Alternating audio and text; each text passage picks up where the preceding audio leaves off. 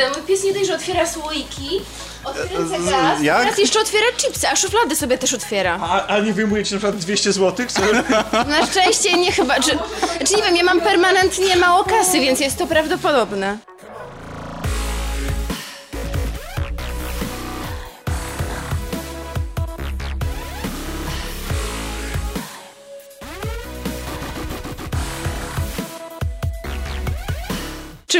Jesteśmy już e, Nie, na wizji. na, na, na fonii? Tak.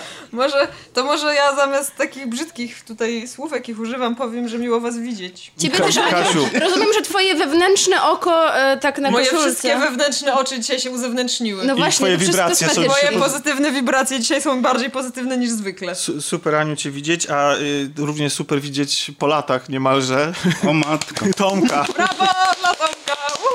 Ktoś siedział na moim stołeczku. Nikt nie siedział na twoim stołeczku. Tylko sprawdzam. Ja czasem kładłam tutaj tylko e, książki. Na przykład ślepowidzenie tu się działo, więc wiesz, jest, jest, Może jest być. Do, tak, dobre towarzystwo. Nikt tu nie Najlepsze. siedział, nikomu nie pozwalałam. Nie. To, Wierzę. bo nie Gryzła. widać, nie widać tego na nagraniu, ale Tomasz siedzi obok mnie i ja czułam się osobiście odpowiedzialna za to miejsce. Za to miejsce. I dalej się czuję, więc, więc tak wiesz. O nie, dzisiaj e, Tomek przygotował słone przegryzki, to niedobrze. Słone przegryzki, ale to, że Bo zawsze są słodkie, więc nic nie jem, a dzisiaj są to słone, jest to tylko będę część, chrupać. to jest tylko część przygotowań. W ogóle to cześć.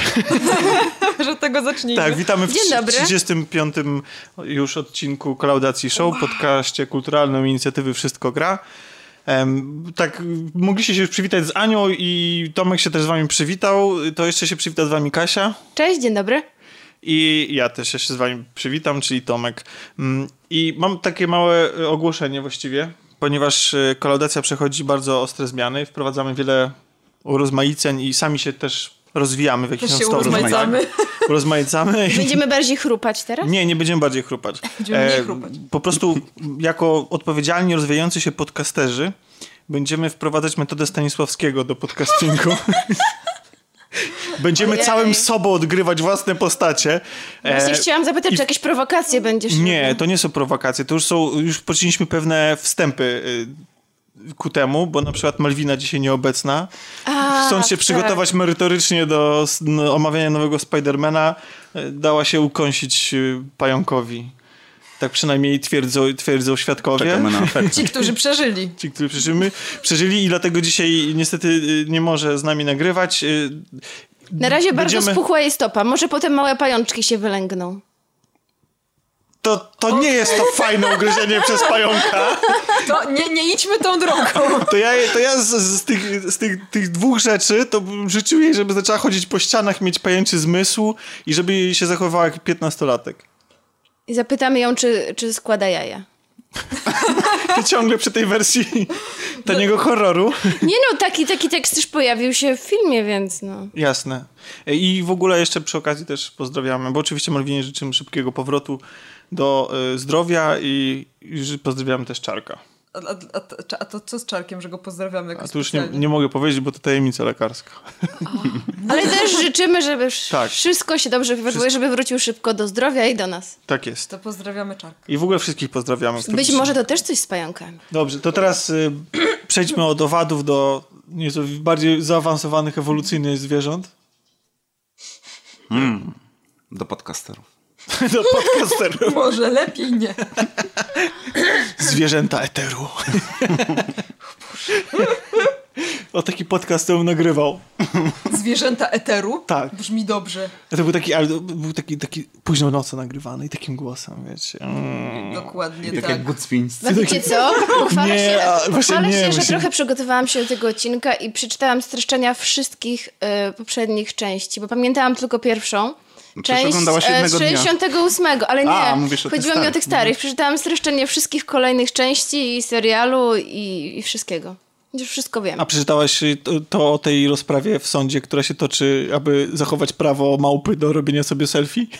E, nie, ale to już nie dotyczy planety małp. Oczywiście, oczywiście że dotyczy, to właśnie od, od takich rzeczy się bierze, jak oni wygrają i ta Się małpa... zaczyna, a ona Tak. będzie Ale pamiętać. to, to jest wszystko prawda? To jest wszystko prawda. Małpa naprawdę zrobiła sobie sama selfie? Oczywiście. Tak, i chodzi o to, oczywiście czyimś aparatem, i chodzi o to, że ktoś to rozpowszechnił, i teraz są prawnicy, znaleźli się prawnicy, którzy chcą bronić jej jako autora tego praw zdjęcia. autorskich do zdjęcia.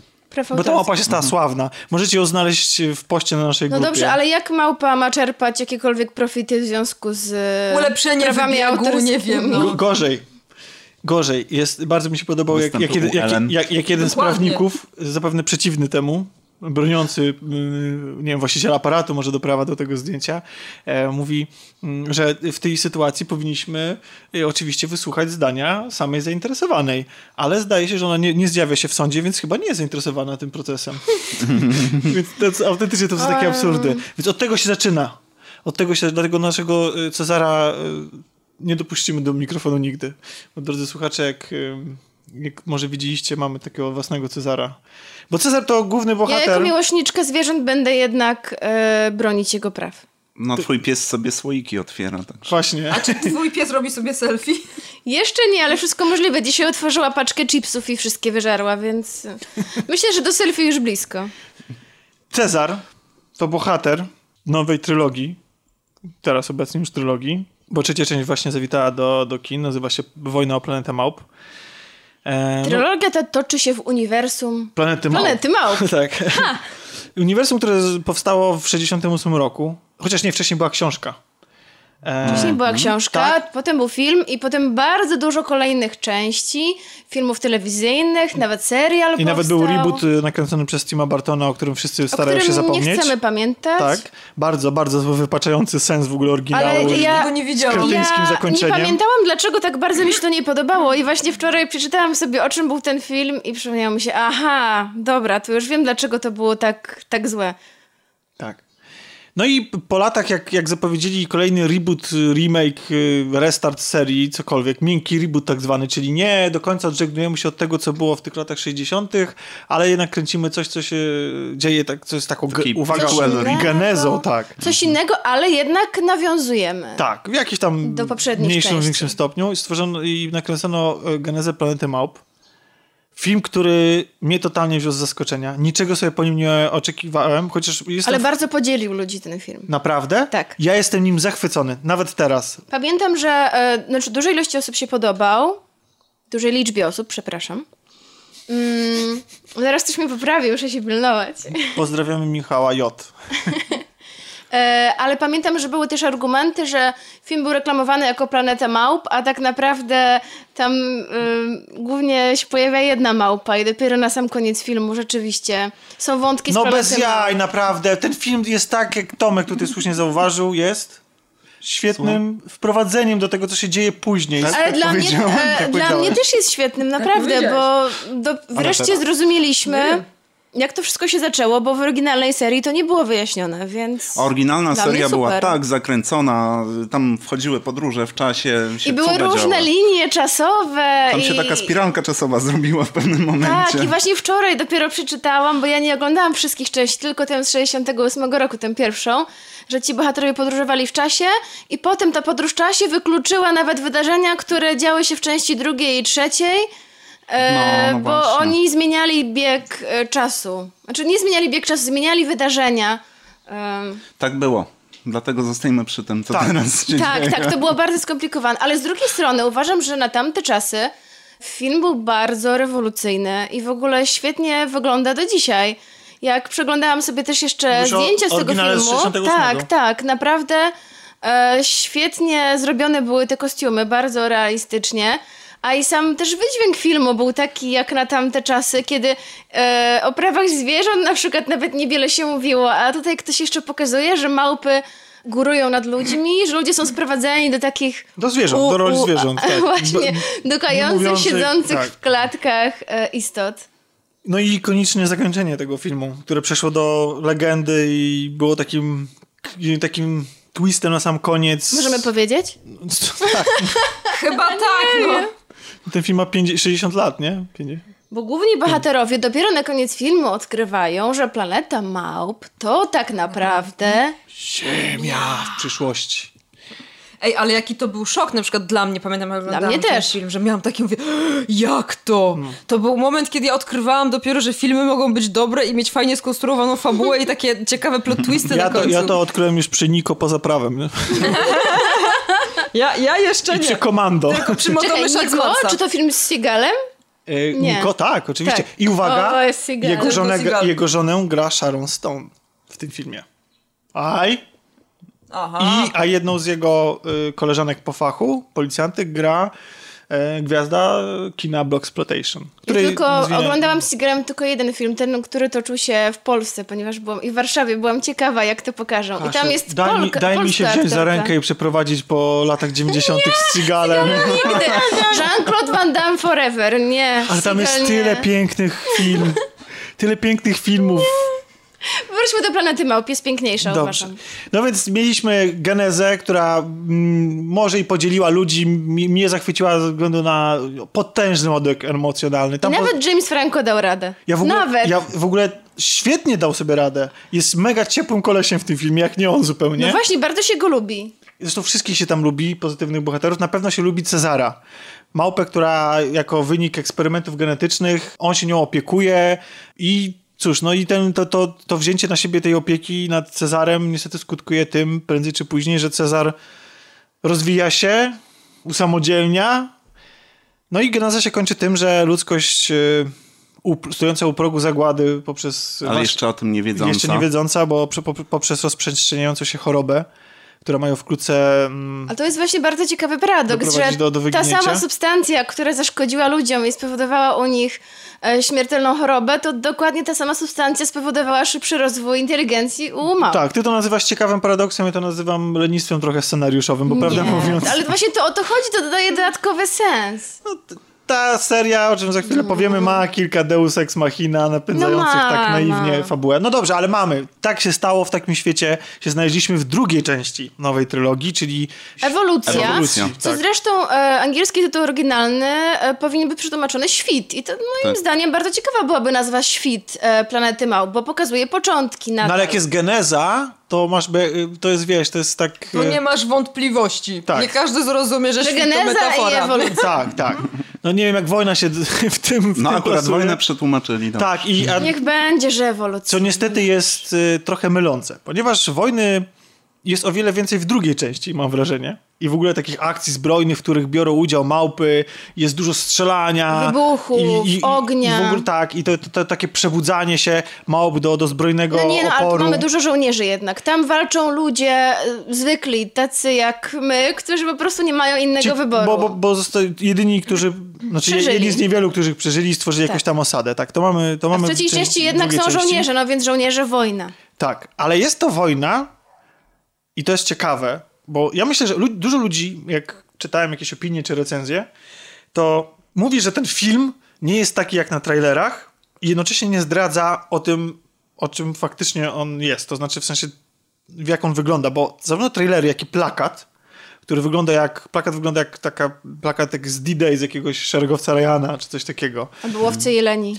Jeden z plakatów, bo ich było dużo, sugeruje i, i trailer, że tam będzie dużo akcji, dużo strzelanin, dużo wybuchów, dużo właśnie takich działań wojennych. I ja teraz może coś zdradzę wielkiego, może nie, ale... Jest sporo akcji, tylko że dopiero w Właśnie- drugiej części. Tylko, że ona jest taka... Nawet trzeciej W trzecim akcie. Tak, mówisz. w trzecim akcie. Znaczy jest bardzo skomasowana.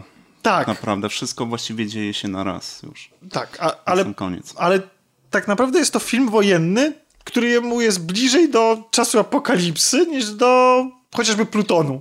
Czyli, e, czyli film wojenny opowiadający o dramacie wojny, podej- podejmujący temat istoty wojny, bardziej niż o niej opowiadający w sposób dosłowny, moim zdaniem. Ale po kolei. Ale tego dramatu jest dużo, jak dla mnie za dużo. Ja, ja bardzo mi się film podobał, ale jestem strasznie wrażliwa. Przeszliśmy już do podsumowań, Kasiu. I, no nie, no ale to jak mówisz o tym dramacie, wojny. Tak, tam już od pierwszych scen. Ja się e, strasznie przejęłam za widzimy te bardzo. wszystkie zranione małpy, które po jakiejś walce chyba nie już chcę iść na odpoczywają. No więc właśnie chciałam powiedzieć, że jest tam scena, e, która, na którą Patryk tak zareagował, że po prostu krzyknął na całe kino i, i bardzo dramatyczna, no już na początku filmu. E, i, No, no taka miała być, bo to, No tego nie można tej serii odmówić, to nie można odmówić emocji. Miała być, ale tych emocji jest tutaj więcej niż w poprzednich częściach i ja strasznie to przeżyłam i, i nie chcę oglądać tego filmu kolejny raz, Okej. ponieważ nie chcę go- tego przeżywać. Nie chcę znowu tego przeżywać. Ale to, żeby, żeby nasi słuchacze mogli chociaż raz to przeżyć, to może opowiedzmy, o czym film opowiada, przynajmniej jak się zaczyna, bez zdradzenia Troszeczkę. zbędnych szczegółów. Tylko ciut, ciut. Otóż małpy, które mm, zostały przy Cezarze, y, po poprzedniej części. Żyją sobie po prostu w jakiejś tam osadzie. Cezar z, chyba zdaje się, że odszedł od idei, znaczy on nigdy nie był przy idei konfrontacji z ludźmi, raczej próbuje przeżyć po prostu. On Natomiast mówi, że walczy tylko po to, żeby chronić e, małpy. Tak. Że nie atakują ludzi. Oni Tak. tylko się bronią przed atakami e, z drugiej strony. Natomiast y, strona przeciwna, czyli ludzie, właściwie ma się wrażenie, że zostali już właściwie sami żołnierze albo ludzie, albo armie stworzone z, może z cywilów, no w każdym razie jakieś tam formacje militarne, które mają za cel, sobie stawiają właśnie walkę z tymi małpami. I mm, tropią je i próbują je zlikwidować, no i zabić. Właśnie, sa- zlikwidować. Cel ludzi nie jest zwycięstwo, celem ludzi nie jest zwycięstwo, ale zabicie wszystkich przeciwników. Tak. I na początku filmu nie jesteśmy w stanie nawet chyba zrozumieć za bardzo dlaczego. I film zaczyna akurat właśnie sceną bit, bitwy, znaczy szturmu na, na kryjówkę Cezara, której konsekwencje prowadzą bezpośrednio do tego, że do takiego wkroczenia trochę Cezara na ścieżkę zemsty. Tak mi się wydaje, nie? Można tak powiedzieć. Tak. Zdecydowanie. Że to jest motyw, jeden z motywów głównych tego filmu. Że e, mimo tego, że ma w tytule wojna, to w rzeczywistości chyba chodzi bardziej o wojnę, którą Cezar musi stoczyć sam ze sobą. Sam ze sobą, właśnie. Bo sam Cezar, jak, jaką drogę przebył Cezar? Czy on jest tutaj innym, inną małpą, innym, e, innym dowódcą, innym przywódcą? Nie no, on e, generalnie jest cały czas w, pewnym, w pewien sposób e, naiwnym przywódcą, który cały czas uważa, że taki konflikt z ludźmi da się rozwiązać jednak na drodze pokojowej. On, e, Aż za bardzo naiwny. tak, on mówiąc. zawsze pierwszy wyciąga rękę, prawda? Można powiedzieć, że nadstawia e, policzek drugi e, za każdym razem, cokolwiek by się nie działo. Ale jednocześnie przez dużą część filmu jest w pewien sposób prześladowany przez widmo tego złego szympansa, Kobe z drugiej części, który zawsze był jednak takim orędownikiem starcia z ludźmi, już widząc, że małpy zaczynają dominować, że to jest tak naprawdę jedyne rozwiązanie, e, dążenie do wojny. I Ko- Kobe był w ogóle zresztą super postacią, bo był, był przede wszystkim fajnym... Mm, przede wszystkim fajną tezą, bo właściwie druga część się składa z samych tez, bo tam właściwie mam- był- ten film był bardzo apatologiczny w swoim przesłaniu. Jasno e, kreślił postacie, one miały symbolizować jakąś wymowę pacyfistyczną, czy raczej właśnie wręcz przeciwnie, taką dążącą do konfrontacji i tak Ale dalej. Kobe już pojawia się w pierwszej części, w Genezie i już w Tak. momencie, kiedy on się pojawia i widzimy tę jego szpetną mordkę, to wiadomo, że coś będzie z nim nie tak. byłem znaczy, że on zdziwiony, będzie... że on już w pierwszej części czegoś nie Tak, ja czekałam, nabroił. kiedy on coś zmajstruje i wszystko popsuje, Jeszcze ale nie był, jeszcze nie był dostatecznie rozwinięty. czekać. Tak.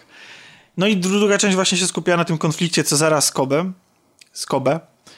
A tu- trzecia też. A trzecia tylko też. wewnętrznie. Tak.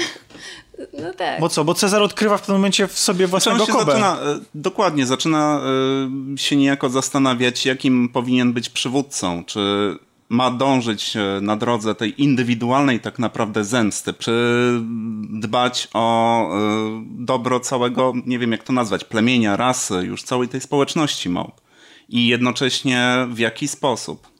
Czy dalej próbować e, powiedzmy tym swoim nastawieniem pokojowym dążyć do współżycia takiego pokojowego z ludźmi, czy jednak również pójść drogą eksterminacji tego drugiego, drugiej strony. Ja jeszcze pamiętam podczas filmu dostrzegłam coś takiego, że skojarzył mi się wręcz z postacią Jezusa. Naprawdę, było tam kilka takich scen, że autentycznie przypominały mi się sceny z, z Nowego Testamentu. Mam nadzieję, że nikt nie poczuje się urażony. E, Nie no, I naprawdę ja myślę, że to było celowe. Były tam takie odniesienia. Pokazano go jako właśnie kogoś, kto, kto ma zbawić innych, kto ma cierpieć za innych i kto też jest jakoś kuszony i to przez kuszony bardzo długo, mm, Tak, przez, przez tak większość wyglądało. filmu. Właśnie przez tego ducha Kobe, którego gdzieś tam czuje i słyszy cały czas w sobie w środku.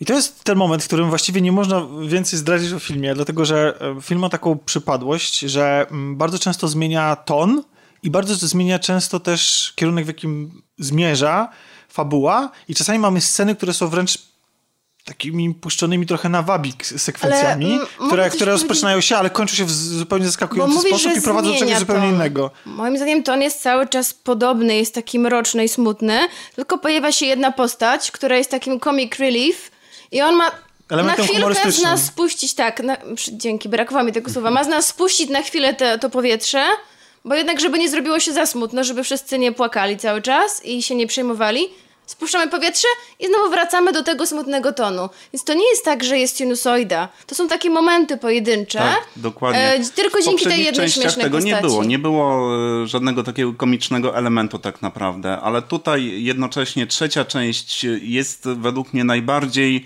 przygnębiającą No częścią właśnie, więc on był potrzebny. z całej trylogii, więc postanowiono prawdopodobnie wprowadzić tego rodzaju element, ale na szczęście nie nie pomylono się gdzieś, nie użyto go błędnie. On jest akurat dozowany tak w sam raz, moim zdaniem. Bo nie było czegoś takiego, że nagle wyskakuje właśnie taka scena komiczna, to sobie mówisz, o Jezu, ale przecież tutaj nie o to chodzi, to nie jest taki film. Tak, tak. Albo, E, albo nie występuje zaraz po jakichś bardzo smutnych żeby, e, wydarzeniach, żeby dać czas widzowi na, na wyr- wyrównanie się tego stanu emocji i dopiero potem. Jest to dobrze wyważone, uważam. Poza tym, tutaj ja wspomniałem o tym, że film można trochę porównać do czasu apokalipsy, zresztą sami autorzy też sobie zdają z tego sprawę, bo nawet żartują z tego w filmie. No więc tą wojnę Cezar musi prowadzić sam ze sobą trochę, ale ma też oczywiście żywego przeciwnika po stronie ludzi i jest nim Porucznik jakiś, czy kapitan? Ja nie pamiętam, jak on się Też nazywa. Gra go, w każdym razie gra go Woody Harrelson i ta postać, którą on to odtwarza, bardzo przypomina mi jego postać z Urodzonych Morderców. To znaczy, w sensie, że on jest tak samo tutaj e, nieprzewidywalny, szalony i trudno mi uwierzyć, że ktoś oddał mu tak dużą władzę. No wiesz co, on mi to mi on bardziej trochę przypomina i to też chyba autorzy są świadomi tego porównania. Przypomina mi Marlona Brando z czasu apokalipsy właśnie. To jest, też, jest, jest też ale takim, jest bardziej jest takim szalony. pułkownikiem, on gra tutaj O pułkownika. pułkownika właśnie. E, że on też jest tutaj takim pułkownikiem, który zebrał wokół siebie grupę oddanych, fanatycznych niemalże ludzi i wierzył w jego wizję, jakakolwiek by ona tam nie była i oddają się tej wizji totalnie. No właśnie, Tomku, jak ci się podobał pan Woody Harrelson i jego postać w ogóle? Y, Jak się podobał? Szczerze mówiąc, no, Wydawał ci się spełnił- dziwny? Nie wie- Dla mnie był trochę niewiarygodny. Nie, tutaj e, akurat m, jeżeli chodzi o tego pułkownika, mieliśmy tak naprawdę jedną scenę ekspozycji, która, gdzie on opowiada tą swoją gdzie on biografię, opowiada, powiedzmy, mhm. prawda, tam gdzie, gdzie spotyka się z Cezarem i rozmawiają.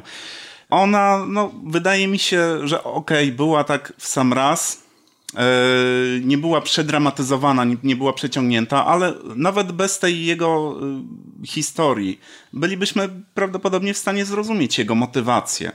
Bo wiemy, w jakim świecie przyszło mu żyć, z czym się e, zetknął. W związku z tym, e, jakby naturalną konsekwencją były te wszystkie jego czyny, które doprowadziły do sytuacji pokazanej nam w tej filmie. No, był, bo być musiał, moim zdaniem. Tak, musiał być i właściwie jest, Ja nie do końca jednak go rozumiałam. właściwie jest, jeśli chodzi o ludzkich bohaterów, to jest jedyną jakośkolwiek nakreśloną postacią tak naprawdę. Tak, właściwie reszta tak. jest y, taką szarą masą. Mamy jednego, postać jednego żołnierza, który wydaje się na samym początku filmu, że on będzie rzeczywiście odgrywał jakąś może No bardzo właśnie, ważną rolę. i kamera ciągle on go pokazuje. Gdzieś tam się pojawia I ja czekam, aż czas, on coś zrobi. Ostatecznie jakby nic z tego, nic z tego nie wynika. No, nie tak do końca. Troszkę wynika, ale inaczej No. niż przewidujemy, bo I ja właśnie- przewidywałam coś I innego. właśnie, dokładnie taki jest ten film. Ten film po prostu wprowadza wątki, po czym je gubi albo zmienia je zupełnie, ale nie w taki irytujący sposób, bo po pierwsze zastępuje je jeszcze ciekawszymi wątkami. I Tak, chcemy oni to specjalnie przecież tak, zrobili. i chcemy się dowiedzieć jeszcze więcej i to jest, więc jakby i dowiedzieć się więcej o tym świecie, dowiedzieć się o tym, co się tam dzieje, ale przede wszystkim chcemy ciągle widzieć naszego Cezara w nowych sytuacjach, w nowych wyzwaniach i to jest absolutna gwiazda tego filmu i to jest absolutny bohater tego filmu. Ten film opowiada o nim i mimo tego, że to jest dramat wojenny, niż bardziej niż film wojenny, to właśnie te zmiany i te ciekawe osobowości i te, te, te zmylne tropy i tak dalej, to wszystko prowadzi do tego, że się w tym filmie moim zdaniem ogląda super po prostu, że jesteś wciągnięty w, to, w, tą, w tą historię. A zwłaszcza jak się było z Cezarem od narodzin, od małego. Jak się z nim, jak, się, jak widzieliśmy, jak dorasta, jak widzieliśmy pierwszą, drugą część i teraz tą trzecią i widzimy, co się, jak on, w jaki sposób on i ewoluował, ewoluował i, wie, i przed jakimi wyzwaniami teraz moralnymi trochę, ale tak przywód, przywódczymi stoi. Ale przede wszystkim to właśnie Cezar sam sobą i to jest moim zdaniem świetna wymowa tego filmu.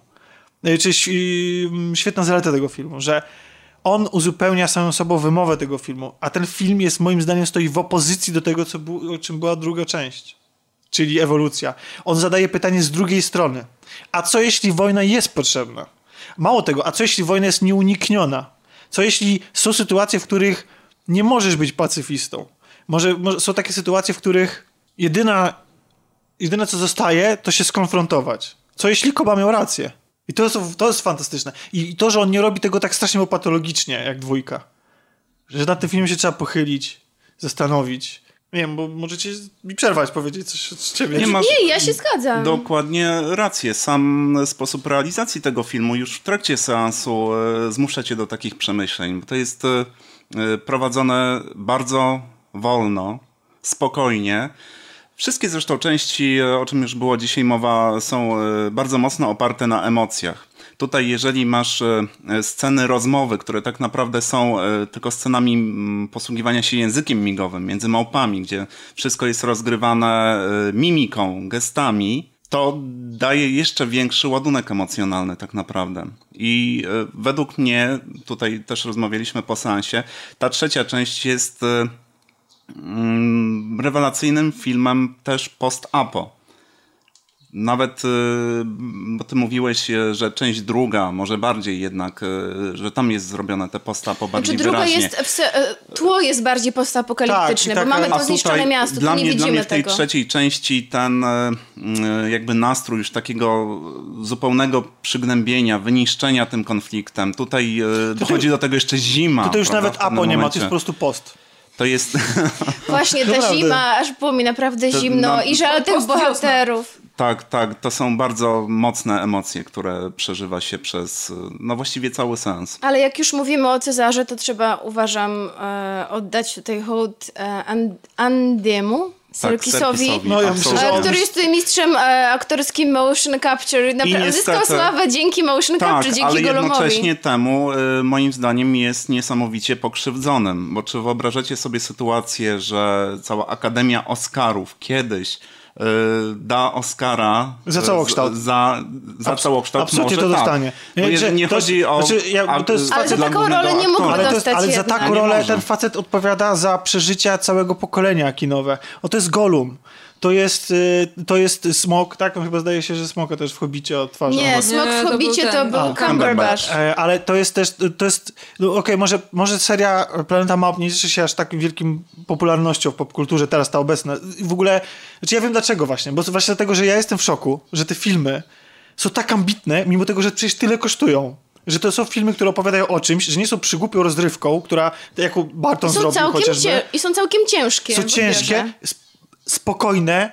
Te małpy wyglądają fenomenalnie. Tam po prostu oglądając to w kinie, ja nie, ja, ja nie wierzę, że to jest CGI po prostu. Nie, Dokładnie takie same wrażenie miałam, jak oglądałam Księgę Dżungli tą nową, Tak, e, kiedy ona ja robiła- przeczytałam, no, że nie tylko było. zwierzęta, ale cała dżungla była CGI. A ja myślę, jak to? Bo ja myślałam, że to były komputerowe zwierzęta w prawdziwej dżungli, a tam tylko chłopczyk Mowgli był prawdziwy. Ja I nie widziałam mogłam w to jakieś, uwierzyć. jakieś ujęcia w ogóle właśnie behind the scenes, jak niektóre te sceny były kręcone, jak tłumaczyli temu chłopczykowi, jak on ma grać, nie mając tła, Nie bo mając on miał nic, tylko green screena green tak screen. naprawdę. I ten film też tak wygląda, że po prostu oczy ci wychodzą Ale ja na pamiętam, wierzch. jak druga ja część właśnie- wyglądała, bo najnowszej jeszcze nie widziałam, ale pamiętam drugą część, to my w ogóle poszliśmy właśnie na, na dwójkę na kanwie tego, że jedynka była super i pomyśleliśmy sobie, że no to dwójka pewnie też będzie fajna, właśnie mimo tego, że o tej serii się dużo nie mówi, ona nie ma jakiegoś takiego powiedzmy, nie ma takiej wielkiej kampanii marketingowej rozkręconej wokół tego filmu. Poszliśmy i ja pamiętam, że ja po prostu siedziałam z, z, z roz, po prostu dziawioną gębą w kinie, bo nie mogłam się nadziwić, jak to wygląda.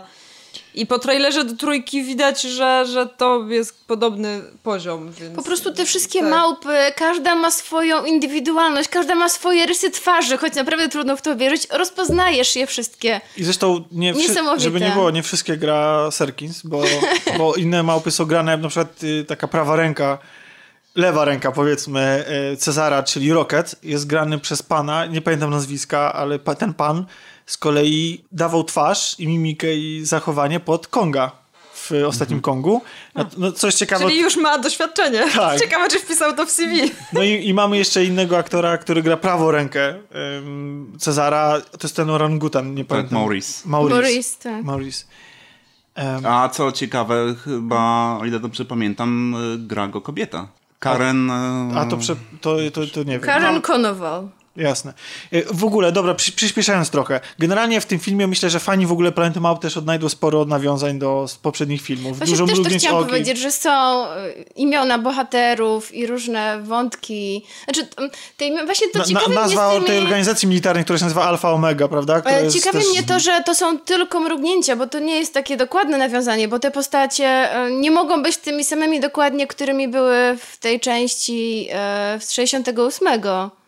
No tak jak Cezar tam Nie, no się jasne, bo, pojawia bo, bo jest to się pewnie dzieje, jeszcze, że to w ogóle są już zapowiedziane, już niestety jest zapowiedziana następna część. Już się Dlaczego podobno niestety? robi. No bo ja uważam, że to jest trylogia, która powinna zamknąć całą tą historię. Mhm. To znaczy, ja już nie wierzę wtedy, y, ja nie wiem, kto będzie to reżyserował, ale ja nie wierzę, że. e, No z drugiej strony, kurde, no nie wierzyłem, że w ogóle pierwszy geneza, Nie, to jest geneza bardzo- będzie dobra, no a była dobra. Nie wierzyłem, że, woj- że ewolucja będzie dobra, była dobra.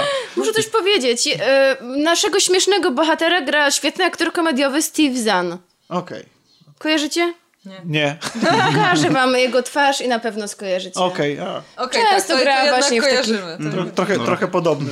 Ale ja myślę, że Andy Serkis doczeka się Oscara w pewnym momencie za, za, za swój całokształt twórczości, bo to jest tak samo jak przecież kiedyś czasy się zmieniają, nagrody się zmieniają. Kiedyś przecież Tron był nominowany do Oscara i został zdyskwalifikowany, bo uwaga, uwaga, cytuję, nie wolno używać komputerów do generowania efektów specjalnych.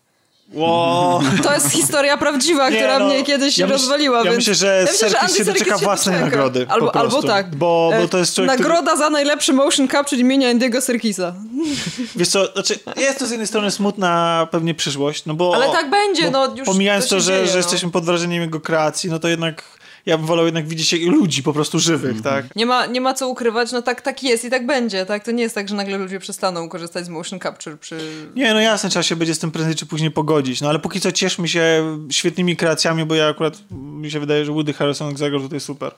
To jest Woody Harrelson, myślę, że to też jakby trochę... Ja, ja, mam, ja, mam trochę, ja mam trochę z nim ten problem, że gdzieś tam widzę te takich ro- świrów. że role Zawsze. komediowe trochę wi- widzę. Ja, A ja właśnie w ogóle go nie Nie, widzę w rolach nie komediowych. To jest ciekawe, ja w ogóle go nie potrafię skojarzyć z żadną rolą komediową. Był mimo, taki go, dobry film. Widziałam go w rolach komediowych, ale jak o nim myślę, to myślę o True Detective.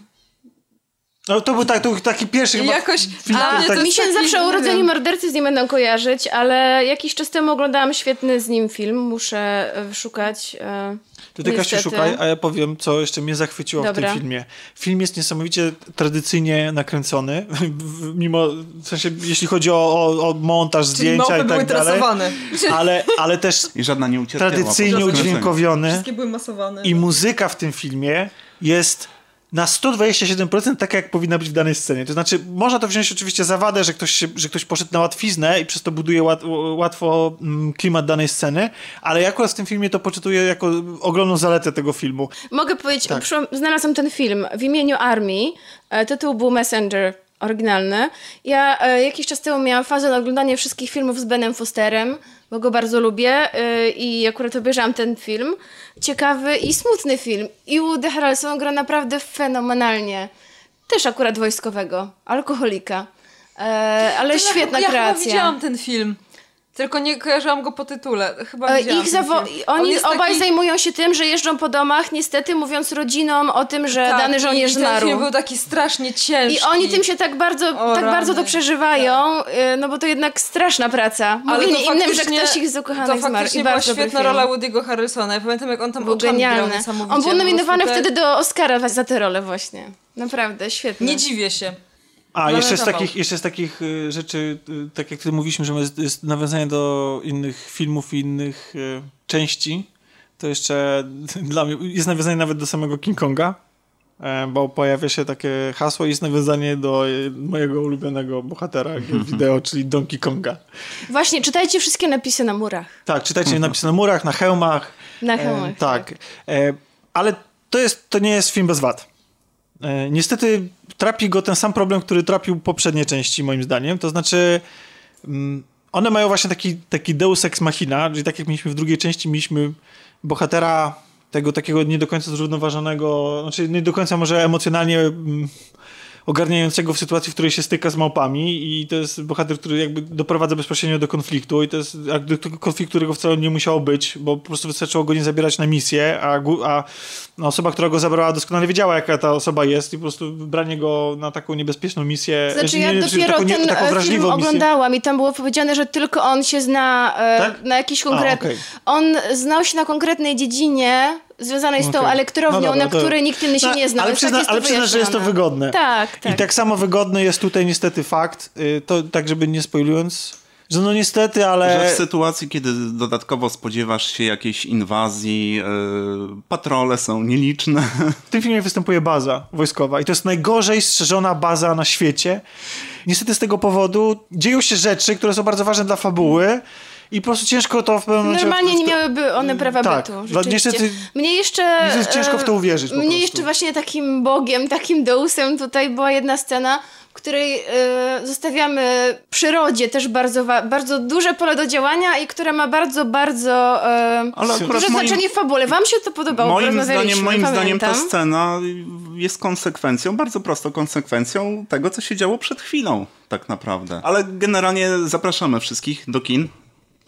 Za dwa tygodnie, bo premierę mm, będzie dopiero miała 28. 28. Tak, chyba, że byliście na pokazie przedpremierowym w piątek, tak jak my. to tak. możecie się wypowiedzieć, jak A wam jeżeli się ktoś podobało. nie widział poprzednich części, to też gorąco polecamy, Znaczy nie, bo to jest ja świetna trylogia. Y, Jedna część wynika z drugiej, dopełnia poprzednią. Y, Wszyscy bohaterowie, którzy się przewijają pomiędzy tymi częściami, cieszysz się, że ich widzisz po tylu latach, ponieważ między pierwszą a e, trzecią częścią jest bodajże 15 lat. Tak? Tak, bo to tak mówi... I pojawiają się odniesienia do- odniesienia. tak. Ale- To jest jedna z e, najlepszych trylogii filmowych? Nie tylko wątki od- bardzo równy poziom przez wszystkie trzy części. Nawet nie, tylko, nie tyle wątki odniesienia, to widzimy autentycznie ewolucję tych bohaterów, bo przecież poznajemy te małpy, jak są wynikami eksperymentu, nauk, y, jakichś tam naukowych eksperymentów, po czym widzimy ich ewolucję, kiedy one zakładają osady, do, dojrzewają, uczą się języka, edukują. Ale nawet a takie w tej bzdury. części Cezar normalnie mówi płynnym angielskim. Ja oglądałam te, te obie części, e, żeby, żeby mieć na świeżo dzień prze, jedną dzień przed, drugą w, w dzień seansu. E, Zwróciłam na przykład uwagę, że okno, przez które wygląda na świat Cezar w swoim pierwszym domu, ma konkretny wygląd i potem staje się to znakiem e, małp, staje się to ich symbolem. I w drugiej części na przykład od, e, przyprowadza ludzi do domu, w którym się wychował i odnajdują zdjęcie oraz film nagrany przez bohaterów z pierwszej części. I takie odniesienia mm, ba- sprawiają, że widzimy taką łączność, tak jak powiedziałeś. To jest wszystko bardzo mocno ze sobą związane i bardzo konsekwentnie prowadzone cały czas. Tak, tak Dlatego- jest bardzo n- niezwykle przemyślana. Dlatego jeśli nie widzieliście poprzednich części, to Dlatego absolutnie... boisz się czwarty. Nie, absolutnie nie polecam e, trzeciej części, znaczy w sensie wojny, tylko koniecznie obejrzyjcie tam te poprzednie. Bo Nie stracicie... przeżyjecie też tego tak, jak moglibyście. nie przeżyjecie, ale też i po prostu wydźwięk tego Nie filmu. przeżyjecie, zginiecie wszyscy. nie przeżyjecie tego emocjonalnie, o to chodziło. Hehehe, wiem. No więc, no więc nie, tylko, nie, nie tylko nie przeżyjecie tego emocjonalnie, ale też po prostu wydźwięk tego filmu jest zostanie odarty, bo, bo dlatego, że on się uzupełnia z poprzednimi częściami. To te wszystkie trzy części razem wzięte dopiero się dopełniają i tworzą jakoś tam piękną rozprawkę na temat wojny, na temat natury człowieka. Znalazłam jeszcze ciekawy jeden komentarz e, w internecie, e, który mi się spodobał. W internecie wszystko jest ciekawe, wszystkie komentarze. No nie, Pewnie no to na różnie naszej bywa. grupie. A najciekawsze komentarze są pod naszymi odcinkami, a jeśli ich tam nie znajdziecie, to znaczy, że powinniście tam umieścić swój własny komentarz. Że Do czego bardzo serdecznie zapraszamy. Z automatu staje się ciekawe. Tak, a zapraszamy do umieszczenia komentarzy zarówno na naszej grupie, jak, jak zarówno na naszej stronie internetowej Wszystko Gra TV, zarówno... Tak, Kasiu? Chciałam powiedzieć o tym komentarzu. Chciałam- no. chciałam- O gorylu chciałam coś powiedzieć. A, no to śmiało, proszę. Że znalazłem ciekawy komentarz w internecie, że e, ten film powinien być zadedykowany, zadedykowany, Wojna o planetę Małp oczywiście, gorylowi, e, który został zastrzelony w momencie, kiedy jego dziecko... Kiedy, kiedy, nie jego dziecko, kiedy dziecko w zoo e, weszło na... dostało się na wybieg. Tak, tak, chyba tak się nazywał. Tak, bo to tak... Taka ciekawa klamra do, do tej opowieści. Pajączek? Tak. Jak Dobrze. najbardziej. Słuchajcie, premiera tego tygodnia, długo zapowiadany i w ogóle już okrzyknięty na zachodzie w recenzjach po, pozytywnych e, jednym z najlepszych Marveli i w ogóle i super Spider-Manem i w końcu takim, którego... Przy co drugim filmie Marvela tak, takie są To komentarze. prawda, że osta- o, w zasadzie nie, znaczy nie, przy, przy Ultronie takich nie było, ale, Dlatego jak powiedziałam, że przy, dlatego powiedziałam, że przy co drugim. ale przy Civil War na przykład już pamiętam były. Tak. Później, a tak, faktycznie, później przy Doktorze Strange znowu nie było i teraz znowu są. Może jakieś... Co jest następne u Marvela? Thor. Przy Torze też nie będzie. Założymy się? Nie wiem, ten, ten zwiastun Tora taki daje, właśnie- daje właśnie- właśnie dobre nadzieje. Za duże nadzieje, bo dla mnie ten film w ogóle nie wygląda na to, znaczy ludzie oczekują, że będzie wyglądał. Bo on wygląda przez ten trailer, przez tą muzykę i przez te kolory i tak Jak dalej. taki to trochę się- Himen. Tak, ale on, ale on wygląda, poza tym jak sobie to zdejmiecie z tego trailera, tak patrząc na te wszystkie sceny, to wygląda po prostu jak Marvel. Tylko, że trochę bardziej kiczowato. Tylko nie to. Za to Spider-Man nie wygląda kiczowato. I w Spider-Manie też było nawiązanie do Tora. Tak. Tak. Mowa oczywiście, Nie jego do magicznym Tora. pasku. mowa oczywiście do, o Spider-Man Homecoming, czyli powrocie tej marki do, Do domu. do domu, do Marvela. Po wielu latach y, Różnych filmów. y, błąkania się po, Tułaczki. po, tułaczki po, studiach, po, po produkcjach Sony. I jak w ogóle oceniacie te dotychczasowe ekrany? W ogóle lu- lubicie Spidermana? To jest jakiś wasz superbohater ulubiony? Nigdy nie lubiłam Spidermana. Dlaczego? Właśnie ja też nie, to Nigdy. dziwne. dlaczego? aż Zawsze tak mnie... anty? Nie, nie, nie, to nie jest to, że anty. Po prostu wiele razy robiłam podejścia do wielu różnych serii komiksowych i nigdy się nie potrafiłam wciągnąć jakoś w jego historię i się z jego postacią w jakikolwiek sposób utożsamić. Dopiero jak czytałam Civil War, to tam faktycznie jego postać była fajniej scharakteryzowana, tam gdzie się pojawiały te wątki właśnie, gdzie Tony Stark troszeczkę jego postać wykorzystywał do swoich... Może to nieładnie wykorzystywał, bo, bo to nie jest tak, że, że, że Spider-Man się nie zgodził z nim współpracować, ale dopiero wtedy jego postać mnie zaciekawiła, ale nadal nie na tyle, żeby jakoś śledzić jego, że tak powiem, własne poczynania komiksowe. A te poprzednie filmy to... Ja pamiętam, mam przed oczami jedną scenę z filmu i to jest jedna ze scen, które zawsze do końca życia będę podawać jako sceny, które mnie najbardziej rozbawiły w kinie w całym moim życiu. To jest scena chyba z trzeciego filmu z, z, z, z Tobim Maguire, gdzie on e, sięga po ciasteczko i w ostatniej chwili ktoś mu zabiera to ciasteczko sprzed twarzy, bo, bo tam było coś, był jakiś upadek Spidermana chyba w trzeciej części i, i jemu się nic nie udawało i w ogóle wszystko, wszystko mu się psuło i tam była taka scena, że on sięga po jakieś ciasteczko, czy jakiś deserek, czy coś. Ale do dzisiaj krążą memy z płaczącym Tobey Tak. No Maguire'em. to, więc... tak, to jest Tak. film, który... Znaczy, żeby nie było, ja, ja do Tobiego nic nie mam, po prostu nie podobał mi się jako Spider-Man. Ale to, co mówisz, Aniu, wszystko bardzo mnie to zaciekawiło, bo ja jestem przeciwna rozgraniczeniu e, jakichkolwiek mediów na męskie, żeńskie, chłopackie i dziewczęce, ale zauważyłam, że rzeczywiście, jeśli chodzi o Spidermana, to taki podział jest bardzo widoczny. Spider-Man jest e, od zawsze kreowany na bohatera dla chłopców. Jest mnóstwo gadżetów. Chłopcy mali od przedszkola po prostu piórniki, plecaczki, zabawki z Spider-Manem. Wiem, nie wiem, czy dla Eee. chłopców. Wydaje mi się, że może, być może. trudno właśnie ja też nigdy nie przypadałam za Spider-Manem. Po prostu, że on jest kierowany do młodszych. I w momencie, kiedy Do ja młodszych, ale właśnie do chłopców. komiksy świadomie, to nigdy mnie nie ciekawił Spider-Man. Jako postać. Mm, Nie wiem, jakoś... Właśnie mnie też mi się nie. zawsze taki... Może faktycznie, nie mówię, że faktycznie ale może tak faktycznie, jest, bo to jest, bo to nudny, była zawsze tylko- taka trochę może historia coming of age, takiego No dorastania, dorastanie, chłopięcego trochę. Tak, i, i jakoś mnie to nie pociągało i szczerze mówiąc nie byłam fanką Spidermana, przyznam, więc nie będę udawać znawcy. E, Filmów też nie widziałam wszystkich. Przyznam, Ja że widziałam ja też nie. tylko chyba dwa filmy z Tobim. E, Nie widziałam filmów z Garfieldem, które to są bardziej chwalone. Wiem. Ja widziałam jeden z Garfieldem i nie miałam ochoty na... Ile było filmów z Garfieldem? Dwa. Widziałam jeden nie miałam ochoty na kolejny. Który widziałaś? Pierwszy. I nie miałaś ochoty na kolejne? Nie, Dlaczego? nie wiem. Tomek posmutniał. Obydwa Tomki posmutniały. Tomki. Nie, Nie.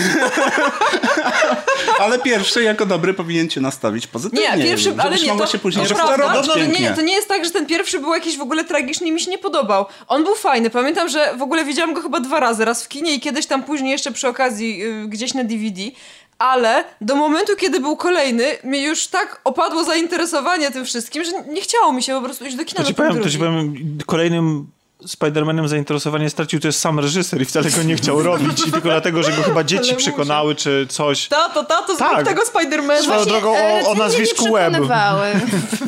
A też, czy dobrze mi się zdaje, że na Broadwayu powstał musical Spider-Man? Coś No, na pewno. kojarzę. To jeden chyba- jeden- że musical Spider-Man jeden z bardziej i, wystawnych chyba. e, I że był bardzo, bardzo popularny i że mnóstwo jakieś rekordy kasowe pobił.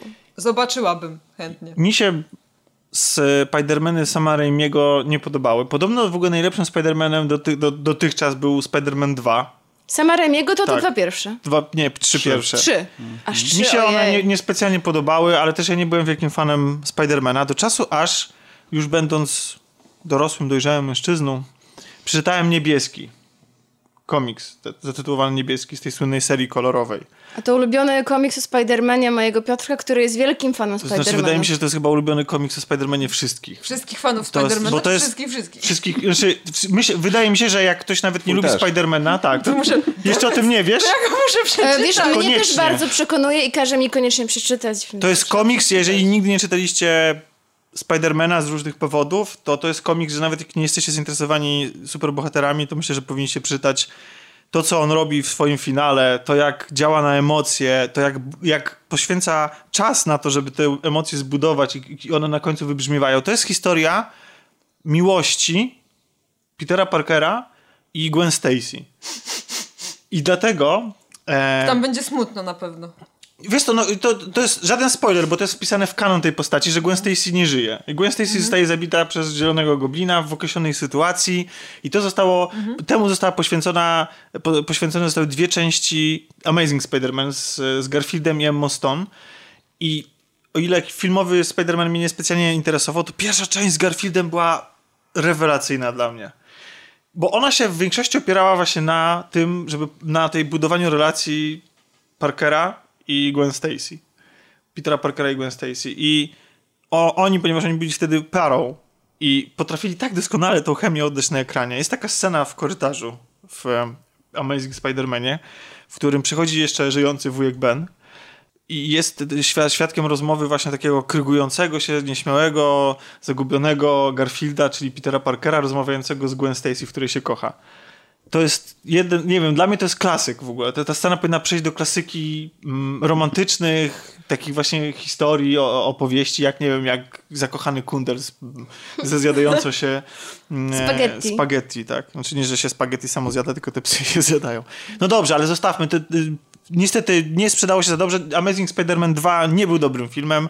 Był y, po prostu zbyt komiksowy, jakkolwiek to brzmi, zbyt naiwny, zbyt przerysowany, nie sprzedał się w ogóle. I nawet chociaż na końcu zapowiadał, że będzie kolejna część. Miało być Tam się- Six, miała w ogóle być Dokładnie. roz- tak, czyli No serial opowiadający o jego wrogach. Ale jest, warto ten film obejrzeć, właśnie dla dwójki, dla Gwen Stacy i dla P- Petera Park- e, Parkera i dla sceny, w której Gwen Stacy umiera.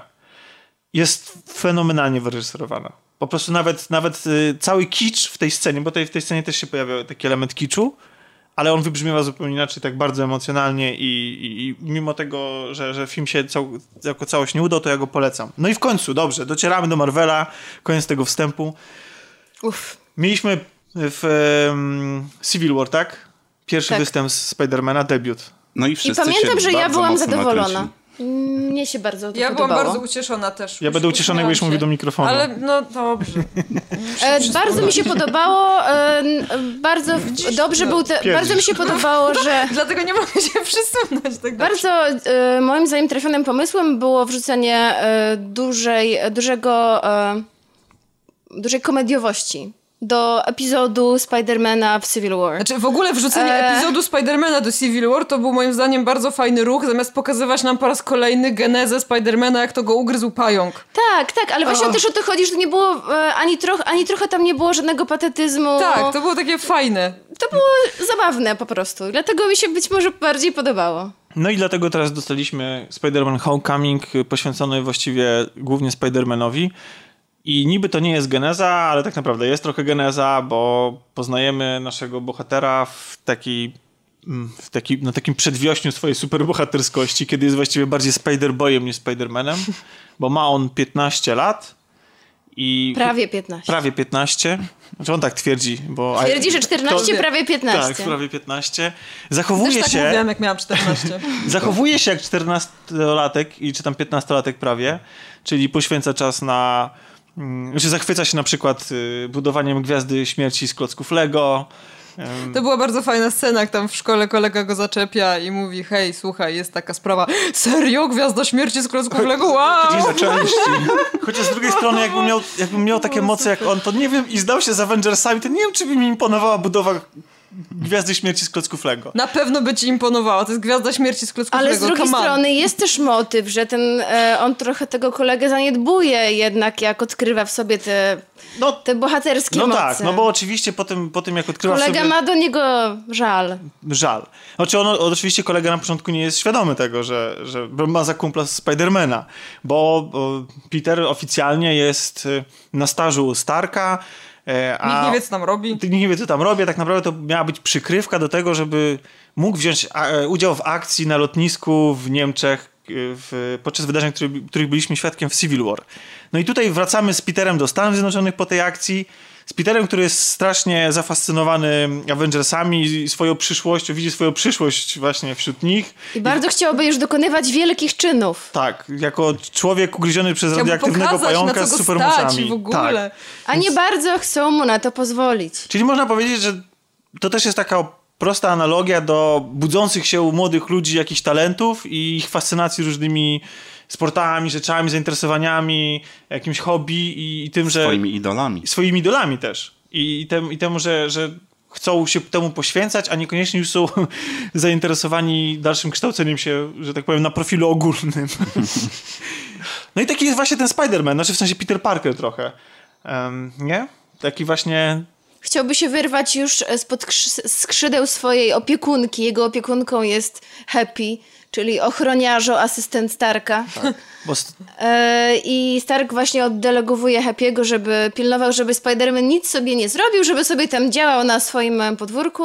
był przyjaznym Spider-Manem z sąsiedztwa. Tak, Tak. przeprowadzał staruszki Ale- przez ulicę, wskazywał ludziom drogę. Tak. No i jesteśmy- To są takie urocze sceny. Mnie strasznie w ogóle ucieszył sam początek tego filmu. Właśnie jak po pierwsze, jak było pokazane, jak, e, jak Peter Parker podczas pobytu tam właśnie w, w, w Berlinie kręcił jakiś film, który potem oczywiście Taki Happy na Instagramie. Mówił mu tak, Happy mu mówił, że musi e, wyrzucić to wszystko, potem usunąć. świetny. Ale to ja autentycznie jak się wprawiałam w dobry nastrój już podczas tego początku, gdzie właśnie A w jaki sposób się wprawiałaś w dobry nastrój? nic nie piłam. Mnie po prostu tak mnie ucieszyło to wszystko, bo to było takie fajne i takie przyjemne. I przypomniałam sobie po prostu, jak ja miałam tak mało lat i ja się tak emocjonowałam wszystkim. Tylko co prawda nie kręciłam wtedy filmików na Instagrama, bo nie było Instagrama, ale to były, pamiętam, telefony do znajomych w stylu o Boże, wiesz co, skończyłam grać w to, to, to i tam przeczytałam to, to, to Ale i to, właśnie- słuchaj, to było tak, wiesz, A, a, teraz, a, teraz, a, teraz, a teraz masz jest kolaudację. Tak teraz, teraz jest tak E, samo, ale... Teraz też się ekscytujemy, ale może w trochę inny sposób. Tak. Ja się staram hamować na przykład teraz, a wtedy się nie starałam hamować. A dlaczego bardzo. starasz się hamować się, jak się czymś cieszysz? Kiedy? Właśnie. Dobrze, słuchajcie, żebyśmy za daleko nie zabrnęli. Ale- Żeby No. nie wyjść na dziwnego człowieka. Ale ten Tak początek siak, z tą tak. komórką e, mm, bardzo przypominał mi to, jak zachowują się moi uczniowie. Jak czasem widzę, co oni wrzucają na te swoje Instagramy, YouTube, Snapchaty, to bardzo mm, dobrze to oddawało tą młodość tego głównego bohatera Tak, i tak, to, to trochę nadało ton całemu filmowi, bo pokazało taką scenę, którą z Civil War y, pamiętamy jako poważną, o jakąś super stawkę. Tutaj jako coś y, takiego emocjonującego właśnie dla nastolatka, jako super zabawę, super fan. Kiedy on może nie Patrzcie, był nawet, Kapitan Ameryka, Kapitan nawet nie Ameryka. był do końca świadomy, o co tak naprawdę toczy się ta cała tak. y, gra. No właśnie, no i po powrocie jest jednak trochę chyba zawiedziony tym, że Tony Stark nie wzywa go do, na kolejną misję i nęka swojego opiekuna Happy'ego. SMS-ami, na które. Happy nigdy mu nie odpisuje. To było takie smutne. Ja bym nazywała go jednak opiekunką. Opiekunka. Bo taki babysitter. No i kiedy w końcu się nadarza okazja, żeby czemuś zapobiec jakiejś zbrodni, to wplątuje się poniekąd w e, grubszą aferę. Aferę, która być może go przerośnie. No i to, jak z tą aferą sobie poradzi, to sobie już zobaczycie w kinie. Natomiast y, to jest do, może dobry punkt y, do tego, żeby, mm, żeby zacząć rozmawiać może właśnie, bo tutaj wspomniałem Tony Starku, który pełni tutaj rolę jego ojca, Ojca, właściwie. tak. Taką Oczywiście, figurę tak. ojcowską, który próbuje go wychować i tak sobie, tak sobie myślę, że ze wszystkich Avengersów, jakikolwiek są dostępni, to, to nawet, nawet, Słaby nawet, kandydat. nawet Hulk byłby lepszym ojcem. do tego nadawał. tak. Lepiej niż to Tony prawda. Stark. Ale Tony Stark naprawdę bardzo się stara. Podchodzi Trzeba- do tego mu bardzo ambicjonalnie. Tak, ba- i bardzo poważnie, faktycznie, to, to tak. Tak. Na tyle, na ile Tony Stark e, potrafi. Mówi mu, że, że chciałby, żeby, e, żeby Parker uniknął błędów jego młodości, błędów Starka. Które I to mi mogliśmy- się bardzo podobało, które- to takie typowo ojcowskie było. Które mogliśmy zresztą obserwować w trzech częściach Ironmana. Tak, właśnie. Zwłaszcza w trzeciej. Zresztą, ten film jest bardzo do Ironmana moim zdaniem podobny. Ale uspokoję tych, którzy myślą, że nadal myślą, że to jest film, który, w którym ten Iron Man jest jakiś specjalnie dużo obecny. Otóż nie jest obecny. To jest film o Spider-Manie. Więc e, wszystkie niemalże poza jedną sceną, które, w której występuje Tony Stark, widzieliśmy w trailerze. Więc e, to, to jest historia A nawet chyba skupiona. w trailerze była jeszcze jedna dodatkowa scena, jak oni tak przylatują przez miasto razem. A. Tego w filmie nie było. Nie było tego. Nie. A, okej. A to fakt, nawet plakat był taki e, z tym motywem przecież. No. Faktycznie. Tego nie było. I z jednej strony można się cieszyć, a z drugiej strony, ale to powiemy sobie później, jak będzie może fragment jakiś taki spoilerowy. Ja się na przykład z tego powodu nie cieszę, bo to też jest y, trochę stracona okazja do opowiedzenia czegoś. Ale to, to, to w części Nie spoilerowej. cieszysz się, ale dużo osób się właśnie bało, że, że Ironmana będzie za dużo i to nie będzie historia o Spider-Manie, tylko to będzie znowu coś jakby Avengers, dwa i jedna druga. Okej, tylko właśnie ten film opowiada, bo możemy, myślę, że możemy to e, o tym powiedzieć, to jest film taki coming of age o dorastaniu. Tylko do, o dorastaniu 15-latka, nie 17-latka. Czyli nie takim w- bezpośrednim wkraczaniu już w tą dorosłość, kiedy trzeba na siebie wziąć pełną odpowiedzialność za swoje czyny, tylko wtedy, kiedy trzeba wziąć odpowiedzialność za swoje przygotowanie do tej wzięcia odpowiedzialności. I to jest taki film skierowany może do dzisiejszych y, mm, 15-latków, nastolatków, tak mi się wydaje, i oni mogą to tak odebrać.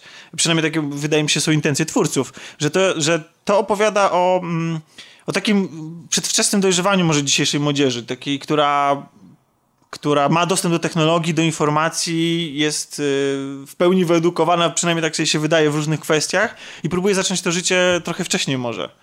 Tutaj- Emocjonalnie jeszcze nie są do końca Do- na to przygotowani. Dosłownie, do, do, dokładnie I, I, i biorą na siebie może zbyt dużo i to się, na przykład, ja nie mówię tutaj już o takich rzeczach jak, nie wiem, jak rozpoczęcie współżycia, czy, ale już nawet chociażby to, że, nie wiem, publikują swoje informacje w sieci, to, że zachowują się jak dorośli w ogóle. Więc mo, można potraktować, nie? Jak myślicie, tą historię w ten sposób? Myślę, że trochę tak. No więc i dlatego właśnie, kiedy w, występuje tutaj figura ojcowska Tonego Starka, to y, ona jest dla mnie trochę niewykorzystana, bo on co prawda tutaj mu prawi morały, a o tych morałach to też sobie porozmawiamy, ale prawi mu morały, Zabrzmiało właśnie tak, jakbyś ty miał prawić jakieś morały. no mam, ja bym chętnie wyprawił jeden morał twórcom tego filmu, bo um, i nawet pra, prawi, prawi te morały, próbuje go wychowywać, ale też przecież my doskonale wiemy, jaki jest Tony Stark. I to byłaby to była dosk do, doskonała okazja do tego, żeby pokazać, jak Tony Stark jako rodzic dojrzewa. Jak, Y. no właśnie, żeby pokazać, wiesz, żeby, żeby, zestawić tych, żeby zestawić tego syna przyszywanego z o, ojcem Tonym Starkiem, o, ojcem, którego poznaliśmy jako właściwie 15-latka w ciele 30-latka w momencie, kiedy go poznaliśmy w Ironmanach i on przez te wszystkie filmy w jakiś tam sposób dojrzewał, dorastał. I teraz to byłby idealny motyw, żeby skierować w ogóle tą postać właśnie na przykład do dzisiejszych 30-latków, żeby opowiedzieć ten film i skierować go jednocześnie do nastolatków i do tych do tych w naszym wieku, którzy też na niego poszli.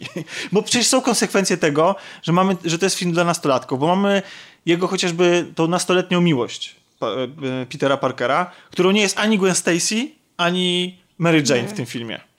Bo jest nią Lis. Lisa. Liza. Ja jej w ogóle nie kojarzę z komiksów. Nie wiem, Tomku, czy ty...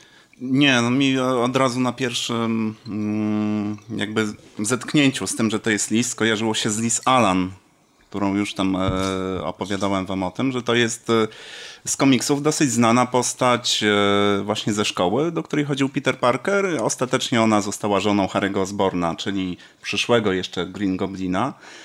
A tutaj e, okazała się być kompletnie kimś innym, co mnie nieco zaskoczyło i zbiło z tropu, przyznam szczerze. To pytanie teraz, czy to faktycznie jest jakieś nawiązanie do tej postaci z komiksów, czy to jest po prostu, nie wiem... Fantazja twórców. Tak, Nie, to może. bardzo czy- prawdopodobne, że y, bardzo duża część tak naprawdę y, postaci, która się pojawiła w tym filmie, to są y, w pewien sposób przemielone postaci z kanonu, prawda? Nadawanie imion, żeby się kojarzyło fanom. e, Ale no właśnie, to czy to chodzi droga, o ale skojarzenia, czy to jakieś takie puszczenie oczka do fanów, zobacz, to jest ta postać, czy tylko takie... Na przykład zobacz, to jest ta postać, tylko w nowym kontekście, tak? Czy... To mm, nie wiem, tutaj ciężko mi się wypowiadać na temat intencji twórców. E, To może być e, cokolwiek z tego, co wymieniłyście. Tak naprawdę. No, Ale- używanie, używanie tych samych imion e, związanych z bardzo konkretnymi postaciami, takimi e, wyjątkowo ikonicznymi, do jakichś tutaj, nie wiem, kompletnie oderwanych od tych historii, no nie wiem, nie wiem, czy to by zagrało ostatecznie. Ale niezależnie od tego, czy jest jaka jest intencja twórców, to dostaliśmy właśnie ten romans, w cudzysłowie, 15-latków i to z jednej strony jest okej, no bo to są dzieciaki i opowiada o filmie dla dzieciaków. Jeżeli film opowiada o dzieciakach, trafia do dzieciaków.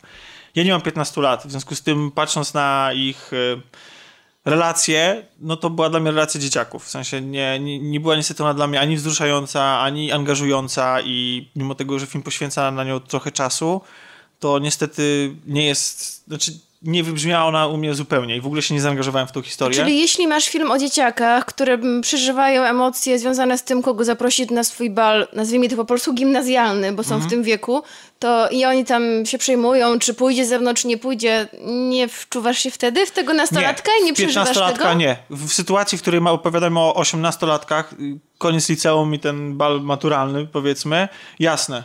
Bo, bo też i te postacie są inaczej określone, bo zupełnie inaczej niż u Michaela Beya, gdzie 14-latka wyglądała z wydętymi ustami, była taka mm, podkreślona jej seksualność w pe- pewien sposób, to tutaj y, te postacie, zwłaszcza ta Liz, jest filmowana i zachowuje się jak totalne dziecko. I nie ma, nie ma po prostu, nie czuć między nimi chemii. I, i nie wiem na ile, tego, może ile to jest wiesz, intencja może- może reżysera, o to chodzi, a na ile po prostu między tymi aktorami po prostu chodzi- tego nie było. Albo, że to nie chodzi, wiesz, no bo jak ja sobie przypominam moje relacje w wieku bardzo młodym z jakąś tam płcią przeciwną, no to właśnie tak to wyglądało. To, to nie było nic poważnego, to były takie obawy w stylu, czy odprowadzi mnie do domu. I tam Ale też nie było za dużo chemii No jeszcze. dobrze. Tak, i nie było tam żadnej No chemii, jasne, no, no- jakieś takie wyobrażenia gdzieś tam. No jasne, i- Już nawet Trzymanie nie się za potrafię... rękę, siedzenie koło siebie w ławce, Trzymanie albo się za rękę to już był hardcore w ogóle przecież, jak ja byłam No ale- 15 ale- no ale to Ale siedzenie koło siebie w autokarze, Tak, to albo było wraca- przeżywanie, kto, razem do koło domu, kogo no. usiądzie, kto, koło, z kim będzie wracał do domu, to było ważne. Tak. I czy No. ci kanapkę przyniesie tak jak dnia poprzedniego, czy I z nie? czym? I czy nie będzie znowu z serem, bo będziesz musiała zjeść, mimo że nie lubisz z serem, żeby nie zrobić przykrości. Ja powiem ci tak, takie dylematy to się ma nawet w wieku 34 lat. To prawda? Ale to, Naprawdę? pierwsze, pierwsze historie, które No chyba, że jesteś po ślubie, wtedy mówiłem ci, żebyś nie robiła z Sarem. To tak, to inaczej. Ale tak, wydaje mi się, że to... E, ja nie odebrałam tego w taki sposób, żeby tam nie było chemii. Odebrałam to właśnie w taki sposób, że to jest taka, nieładnie mówiąc, trochę szczenięca fascynacja, głównie ze strony właśnie tego Petera, tą, tą Ja właśnie tą tej dziewczyną. fascynacji specjalnie nie widziałem I po to prostu. było, tak, ale właśnie to było takie, bo to było takie szczeniackie wszystko. Mm. To nie było jakieś takie, e, nie wiem, kocham ją, bo jest wspaniałą osobą. Nie, no to nie tylko, była miłość, No zdecydowanie, właśnie, to było coś takiego, fajna jest, chciałbym się z nią pokazać na imprezie. Okej, no, ja po prostu czułem zawód w tym momencie. Nawet ja rozumiem, że tak został, i to słusznie został ten wątek tak został poprowadzony, tylko po prostu czułem fas, y, zawód, bo wszystkimi, bo dla mnie Spider-Man to jest jakby jakimś elementem tego, te, tego superbohatera są właśnie te jego relacje z kobietami, z dziewczynami, z kobietami, że to jest mega ważne. Spoko, będzie kolejny 10 filmów o Spider-Manie, to na pewno jeszcze zdąży. Jasne. A poza tym, e, jeśli reżyser, moim zdaniem, był konsekwentny, jeśli ma wizję Spidermana jako dzieciaka, to w takim razie się to sprawdziło, bo on nie robił Tak. tutaj dzieciaków dorosłych, co też często jest grzechem twórców. Widzimy dzieciaków, a, a, a zachowują się jak dorośli. Najlepszy przykład się Twin Peaks. dzieciaki. Właśnie wczoraj Nie, no to, to, to nie jest w ogóle żaden argument. Kimś, Twin Peaks to nie jest przykład na nic, ale nie, nie, bo tak, akurat wczoraj z kimś o tym rozmawiałam a propos tego, że y, już pomijając to, że wszyscy strasznie lubimy ten serial, to jak tam zachowują się licealiści, no. Znaczy, No a jak było w Beverly Hills? No właśnie, no i tak. Nie no, a, a dobra, a teraz, a teraz uwaga, trochę zepsuję zabawę. E, Naszym słuchaczom, bo oni pewnie nie wiedzą, bo wy już pewnie wiecie. Holland, który gra Petera, tutaj gra 14, prawie 15-latka, ma 21 lat, a teraz, ale najlepsze jest to, ile ma właśnie Liz. Uwaga. Otóż Liz, która gra tutaj jego rówieśniczkę, tak? Chyba tak to dobrze. Tak, mówię. Nie, ona jest starsza, bo chyba była mowa o tym, że ona jest senior, a on był sophomore. Sophomore. No ale to i tak by się nie Ale to- zmieściła w tej tak, samej no szkole tak, przy tak. takiej różnicy jaką. Tak, jaką Jaką ma. mają. Ponieważ, uwaga, aktorka, która odtwarza Liz, ma 27 lat. Czego nie widać. Ale. Kompletnie. I to jest... I. Jeszcze się Ale- nauczyła gra. E, Ja, ale słuchajcie, ja bym jej dała naprawdę 18. Ona wyglądała na starszą od niego, na taką dojrzałą już Wyższa była przede wszystkim. Ale, ale wiecie, no w tym wieku dziewczyny są zwykle wyższe jeszcze od chłopaków, Nawet ja bo byłam wcześniej wyższa od moich kolegów, jak miałam 15 lat. E, no ale to nie kwestia wzrostu, ale myślałam, że jest po prostu taka dojrzalsza i trochę starsza, ale nie dałabym jej 27 w życiu, naprawdę. Ja też. Bardzo e, wielki ukłon e, do twórców, że udało im się tak to wykreować, że wyglądała Ale na bo to jest, nastolatkę. to jest też kwestia tego, jaką ona ma urodę, tak? Bo ona nie wygląda staro. Są, są powiedzmy kobiety w jej wieku, 27 lat, które wyglądają jakby były bliżej 40, no. Ja Nie, no- przeżyłam szok, kiedy dowiedziałam się, że Doda jest ode mnie młodsza. A, je, a ile ona ma lat? Nie wiem, 20 właśnie parę, ona nawet nie ma Ode 30. mnie też jest młodsza. Tak, ona wygląda na Ona jest rok starą młodsza ode babę. mnie. Tak, ona jest jednak po masz lat? 30? No 33 lata mam chyba. A. mi Mi się się wydaje. wydawało, że jest młodsza. W każdym razie jest młodsza. A na ile I, wygląda? A Tomek e, 25. O jasne, ja, proszę i e, jednak kobiety dzięki makijażowi i różnym zabiegom mogą się łatwiej kreować wiek niż mężczyźni. Tak mi się Przeszczep wydaje. twarzy. No w każdym razie nie wiem w jaki sposób wykreowali to y, twórcy, ale na, ale na ekranie no, pani mm, o- aktorka wygląda jakby miała faktycznie te naście lat. Y, Jak, jesteśmy już przy tym, że ile jest Spidermana w Spidermanie, ma 33, Tomek miał rację. No to, nie, to jest od ciebie starszy. To jest ode miałem mnie starszy. plakaty z Ale ode mnie jest młodsza. Naprawdę to... Nie, no, Ja cały, czas, ja cały czas zapominam, że jestem młodsza od was. E, Przepraszam. nie, ale miałem z... Oj, troszeczkę. I nie, bo jak mówicie w naszym wieku, to ja myślę, no to 29, no spoko. Będziemy mówili w twoim. Ale Czarek jest młodszy ode mnie, więc to mnie trochę pociesza. Malwina się popisywała PESEL-em w zeszłym odcinku i co? Tak. I co? Nie ma co? jej. I ugryzł ją pająk. Bo pająk wybiera najmłodszych. Właśnie, tylko najmłodszy. Świeża krew. Dobrze, wracając do... Czyli, że my już przechodzeni jesteśmy. To ty to powiedziałaś. Nie jeden pająk z ciebie pił. Ale wracając do filmu. Ale... O Boże. Popłakałam się ze śmiechu przez was. Wracając do filmu, no to, to mam... Przepraszam, nie, bo mi się jeszcze przypomniała nasza wczorajsza dyskusja A propos? na czacie. A propos wieku Spidermana, a propos tego, że powiedziałam, że gdybym była 10 lat młodsza, to miałabym na niego krasza. A ja powiedziałam, jak to? Jak Co to? Przecież to zupełnie. Właśnie. Aniu, a dlaczego miałaby być krasza na niego? Bo... No bo, bo... Bo ja, jak miałam 15 lat, to było prawie trochę ponad 10 lat temu, to... E, już, już speszyłam się teraz. Nie no, chodzi... chodzi Nie, znaczy inaczej, w sensie, powiedzieć, bo ja chciałem zrobić zawsze- wstęp do tego, jaki jest Peter w tym filmie. Tak. Chciałam Więc jakie powiedzieć, cechy ci się u niego podobają? Zawsze lubiłam... Oprócz rudych włosów. on ma rude włosy? No takie... Nie, taki ciemny blond. Ciemny Ciemny blond. Nie. Chciałam powiedzieć po prostu, że zawsze y, od, od lat moich młodszych, zawsze podobali mi się faceci, faceci, chłopcy, mężczyźni, to się nie zmienia generalnie z wiekiem. Teraz ci się Tacy chłopcy trochę podobają, też spoko, chłopcy, no. też mężczyźni, różnie to Uf, bywa, nie. zależy. Ty też chodzisz w płaszczu do kina? Tak, ale tylko na Spidermana. Przepraszam. Ech, chciałam Najbardziej tak. merytoryczny specjal ever. No naprawdę, to jest o, masakra. E, nie, po prostu to zawsze było tak, że takie cechy właśnie w stylu... E, zawsze fascynowali mnie nerdzi w jakiś sposób, dlatego, że nie zwracałam uwagi na ludzi, którzy byli głośni, którzy byli w jakiś sposób tacy... Próbowali zwrócić na siebie uwagę. Bardziej mi imponowało to, jeżeli ktoś był inteligentny, był autentycznie wkręcony w to, co robi i nawet lubiłam takich ludzi, którzy są troszeczkę nieśmiali, to jest troszeczkę awkward, jakby to, jakby to nazwać, bo miałam Czyli wrażenie, bardziej że na, łatwo... na oboczu, a nie ci Tak, popularni, bardziej na tak? uboczu, bo łatwiej było z takimi ludźmi złapać kontakt i w taki sposób zdobyłam bardzo wiele przyjaźni. Oczywiście opowiadałam też, yy, wczoraj wam pisałam traumatyczne przejścia, kiedy to miałam strasznego krasza na jednego kolegę właśnie ze, ze starszej klasy, który brał udział w olimpiadach chemicznych. I za każdym razem jak opowiadał, bo on się tak zawsze ekscytował, jak opowiadał o tym, czego on się uczył na przykład do tej olimpiady i wszyscy go zaczynali wyśmiewać, a mi było głupio powiedzieć, że ja bym chciała, żeby coś więcej opowiedział na ten temat, bo to było ciekawe. I jak kiedyś zaprosiłam go na randkę, to mnie wyśmiał i powiedział, że to pewnie dlatego, że koleżanki się ze mną założyły albo coś. I, I że on nie wierzy w to, że ja chcę się z nim mówić na randkę. I, i tak dziwnie się poczułam wtedy. I nici z tej I, tak, pseudoefedryny. i, i, i nic z tej pseudoefedryny albo z tej metamfetaminy. I generalnie tak było ze, ze trzy razy. I, I tak, no tak, ale to jest właśnie. I przypomniało mi się, że to był taki typ, właśnie taki, taki typ chłopaka, który mi się podobał właśnie te x lat temu. Okej, Bo i myślałam faktycznie- sobie, że gdybym miała te 15 lat i poszła do kina teraz na tego Spidermana, to już bym miała plakaty nad łóżkiem wyklejone pewnie z, z pięć. Bo faktycznie on taki tutaj jest. Jest Tak. inteligentny i... Bierze film- udział w olimpiadach Tak. przedmiotowych. Zresztą tutaj jak akurat, bierze, bierze, to bierze. No. akurat, akurat w tej klasie by cię nie wyśmiali, bo mam wrażenie, że w ogóle to wszyscy biorą udział w tych ta olimpiadach. szkoła w ogóle była To taka była za- chyba taka, taka szkoła fajna, dla zdolnych no. dzieci, bo kilka razy dopadło, że w tej szkole to... Tak. Okej, no tak, tak, w końcu Stark by nie wysłał jednak Petera do No. jakiejś byle, byle liceum podrzędnego. Faktycznie, natomiast ja trochę kompletnie nie rozumiem, jak już jesteśmy przy tym takim szkolnym podziale na tych głośnych i tak dalej, jaką rolę do odegrania, ma tutaj odwieczny rywal szkolny z Petera, czyli Flash. On jest tak żenujący tutaj. Pseudokomediową. Ale nie, to, wiem. ale nawet nie chodzi, że bo on był nie zawsze takim, takiego. on był zawsze takim bullying, prawda? Takim człowiekiem, który A dokucza. tutaj nawet, A nawet nie nie, za bardzo za go... bardzo, no. Tak, nawet Nie, nie, znaczy, ale ja nawet... Troszeczkę tylko. Tak, do- no Ale ja, to ja w ogóle... dokucza, nie wiem. Nie, no właśnie, chodzi o to, że Może on... po prostu, może on nawet w swoim, on był, może to była kwestia tego, że chcieli pokazać takiego ostatecznego nieudacznika, że nawet mu to, to, to bullying nie wychodzi. Tak? Nie, no właśnie, ale wiecie, moim zdaniem to Peter tutaj wygląda na jeszcze większego, chociaż może z drugiej strony on się po prostu może tym nie przejmuje, ale on na przykład nie ma absolutnie żadnej przewagi Flash nad nim, żadnej.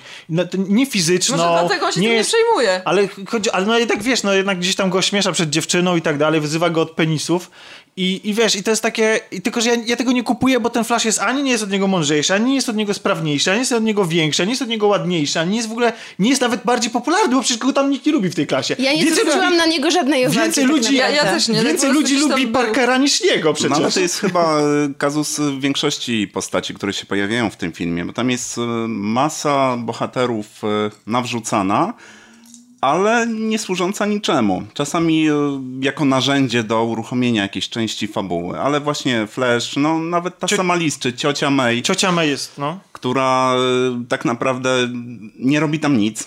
Pojawia się w, przez bardzo krótki okres czasu Czy ma jakieś dwie fajne, czy trzy fajne sceny, ale niewykorzystany potencjał. Nie, no Zgadzam tam się Ja mam wrażenie, że ona jest tak strasznie po macoszemu potraktowana, że nawet nie ma jakichś fajnych scen do zagrania. Ona Sprowadza się tylko do tego, że ona się martwi o tego Tak. swojego Nie no, jest atrakcyjna i podoba się mężczyznom. To jest pokazane Ale w tylko w jednej scenach. scenie, bo w każdej kolejnej daje jej się w poprzednim szkła, żeby nie wyglądała na za atrakcyjnie. Tak, mi się też wydaje, że ona le- lepiej wyglądała w Civil War niż Dokładnie. tutaj. Zresztą- Tak jakby tutaj na siłę się chciało troszeczkę Bo być może ludzie ten... protestowali, e, że ojej, nie ciocia May nie może być taka młoda i No, atrakcyjna, tutaj- więc być no, może chcieli ją troszeczkę... z Ja Tonym też- ja Starkiem, też który jestem- podkreśla o tym, jakim ona jest fajnym milfem, no. Ja też jestem oburzona na przykład, że Spider-Man jest młody i atrakcyjny. Jestem oburzona.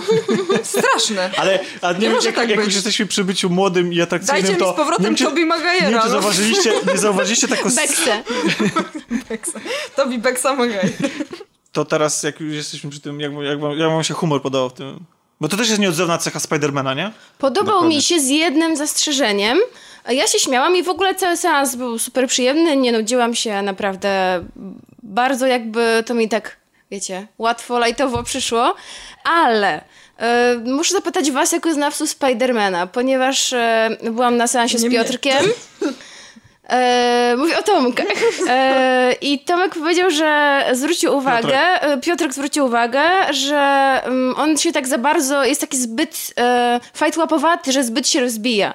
Że Spider-Man nawet na samym początku, w tych komiksach o Originie, on od początku cechował się tym pajęczym zmysłem i w ten sposób nie wpadał na żadne budynki.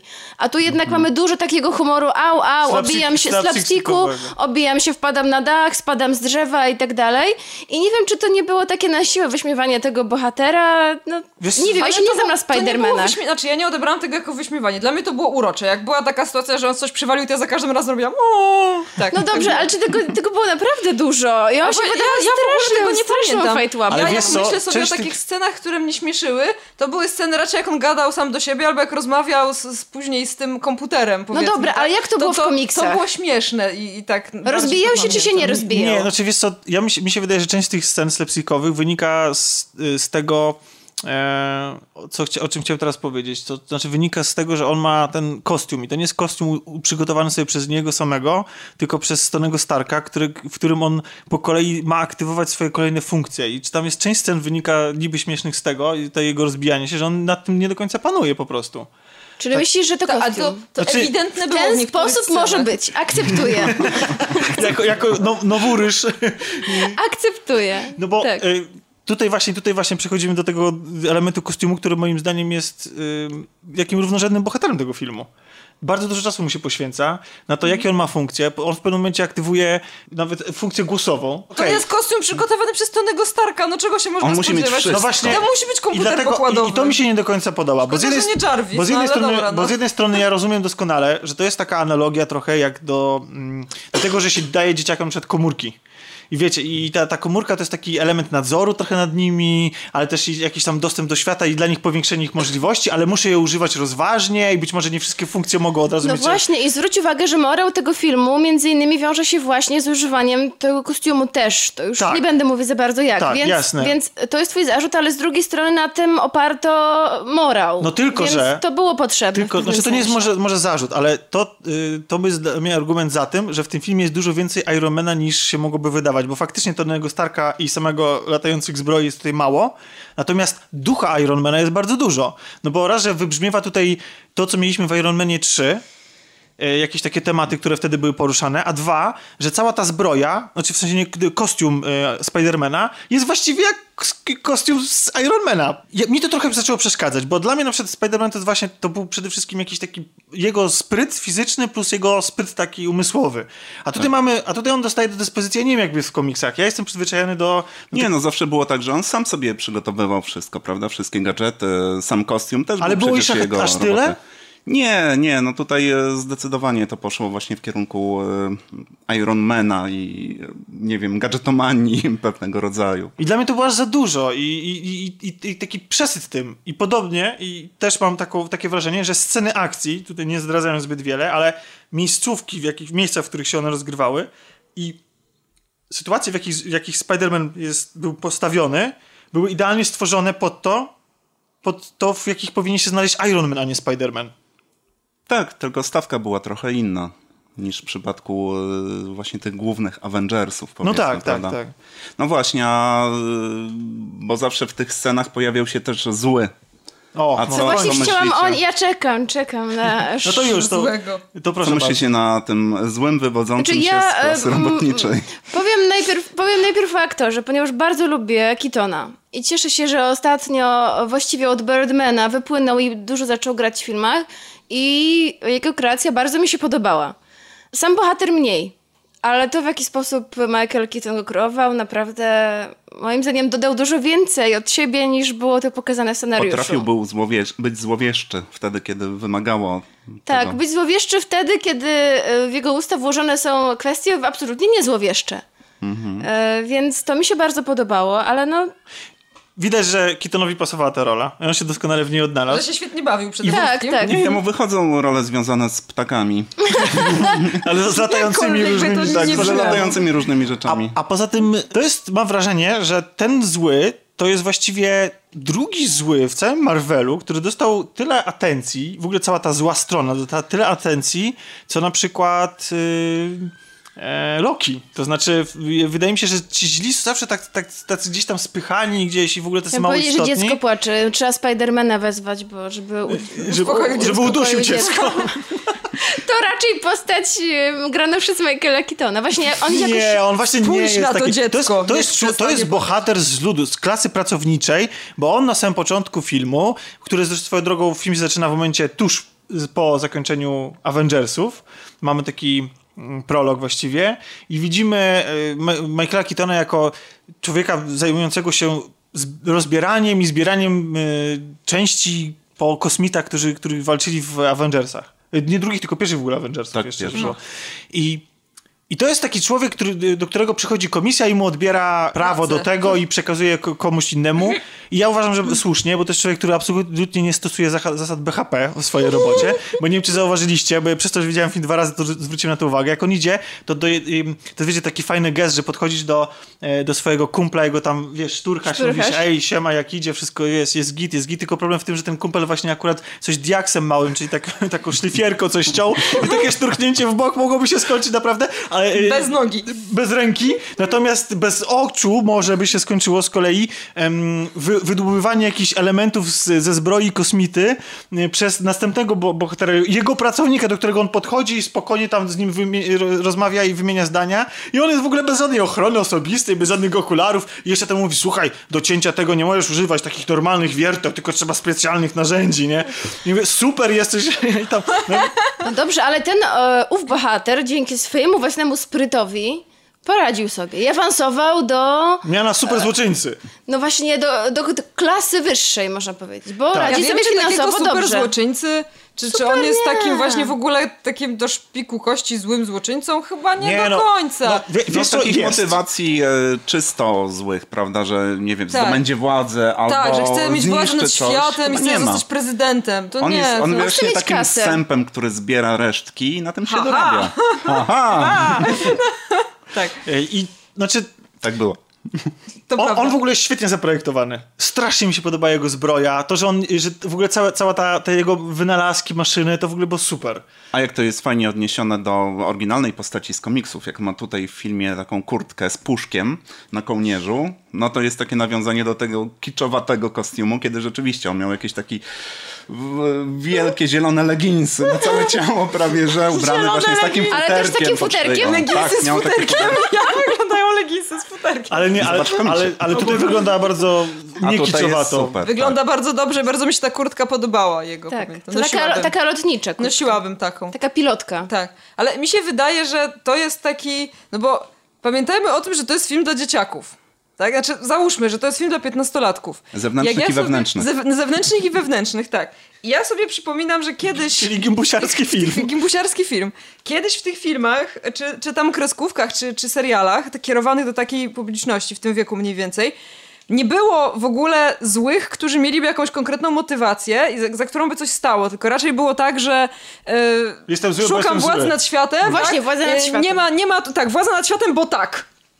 A ten się E, chce zem, było, zemścić tutaj- trochę na kapitalizmie Tak, i korupcji w jego mniemaniu. Podoba mi się droga, którą idzie ten film. To, to nie jest tak, że to jest jakiś idealny yy, villain dla, dla, dla tego typu filmów, ale podoba mi się droga, którą idzie ten film, że pokazuje nam przeciwnika, bo trudno mi go jednoznacznie nazwać złym.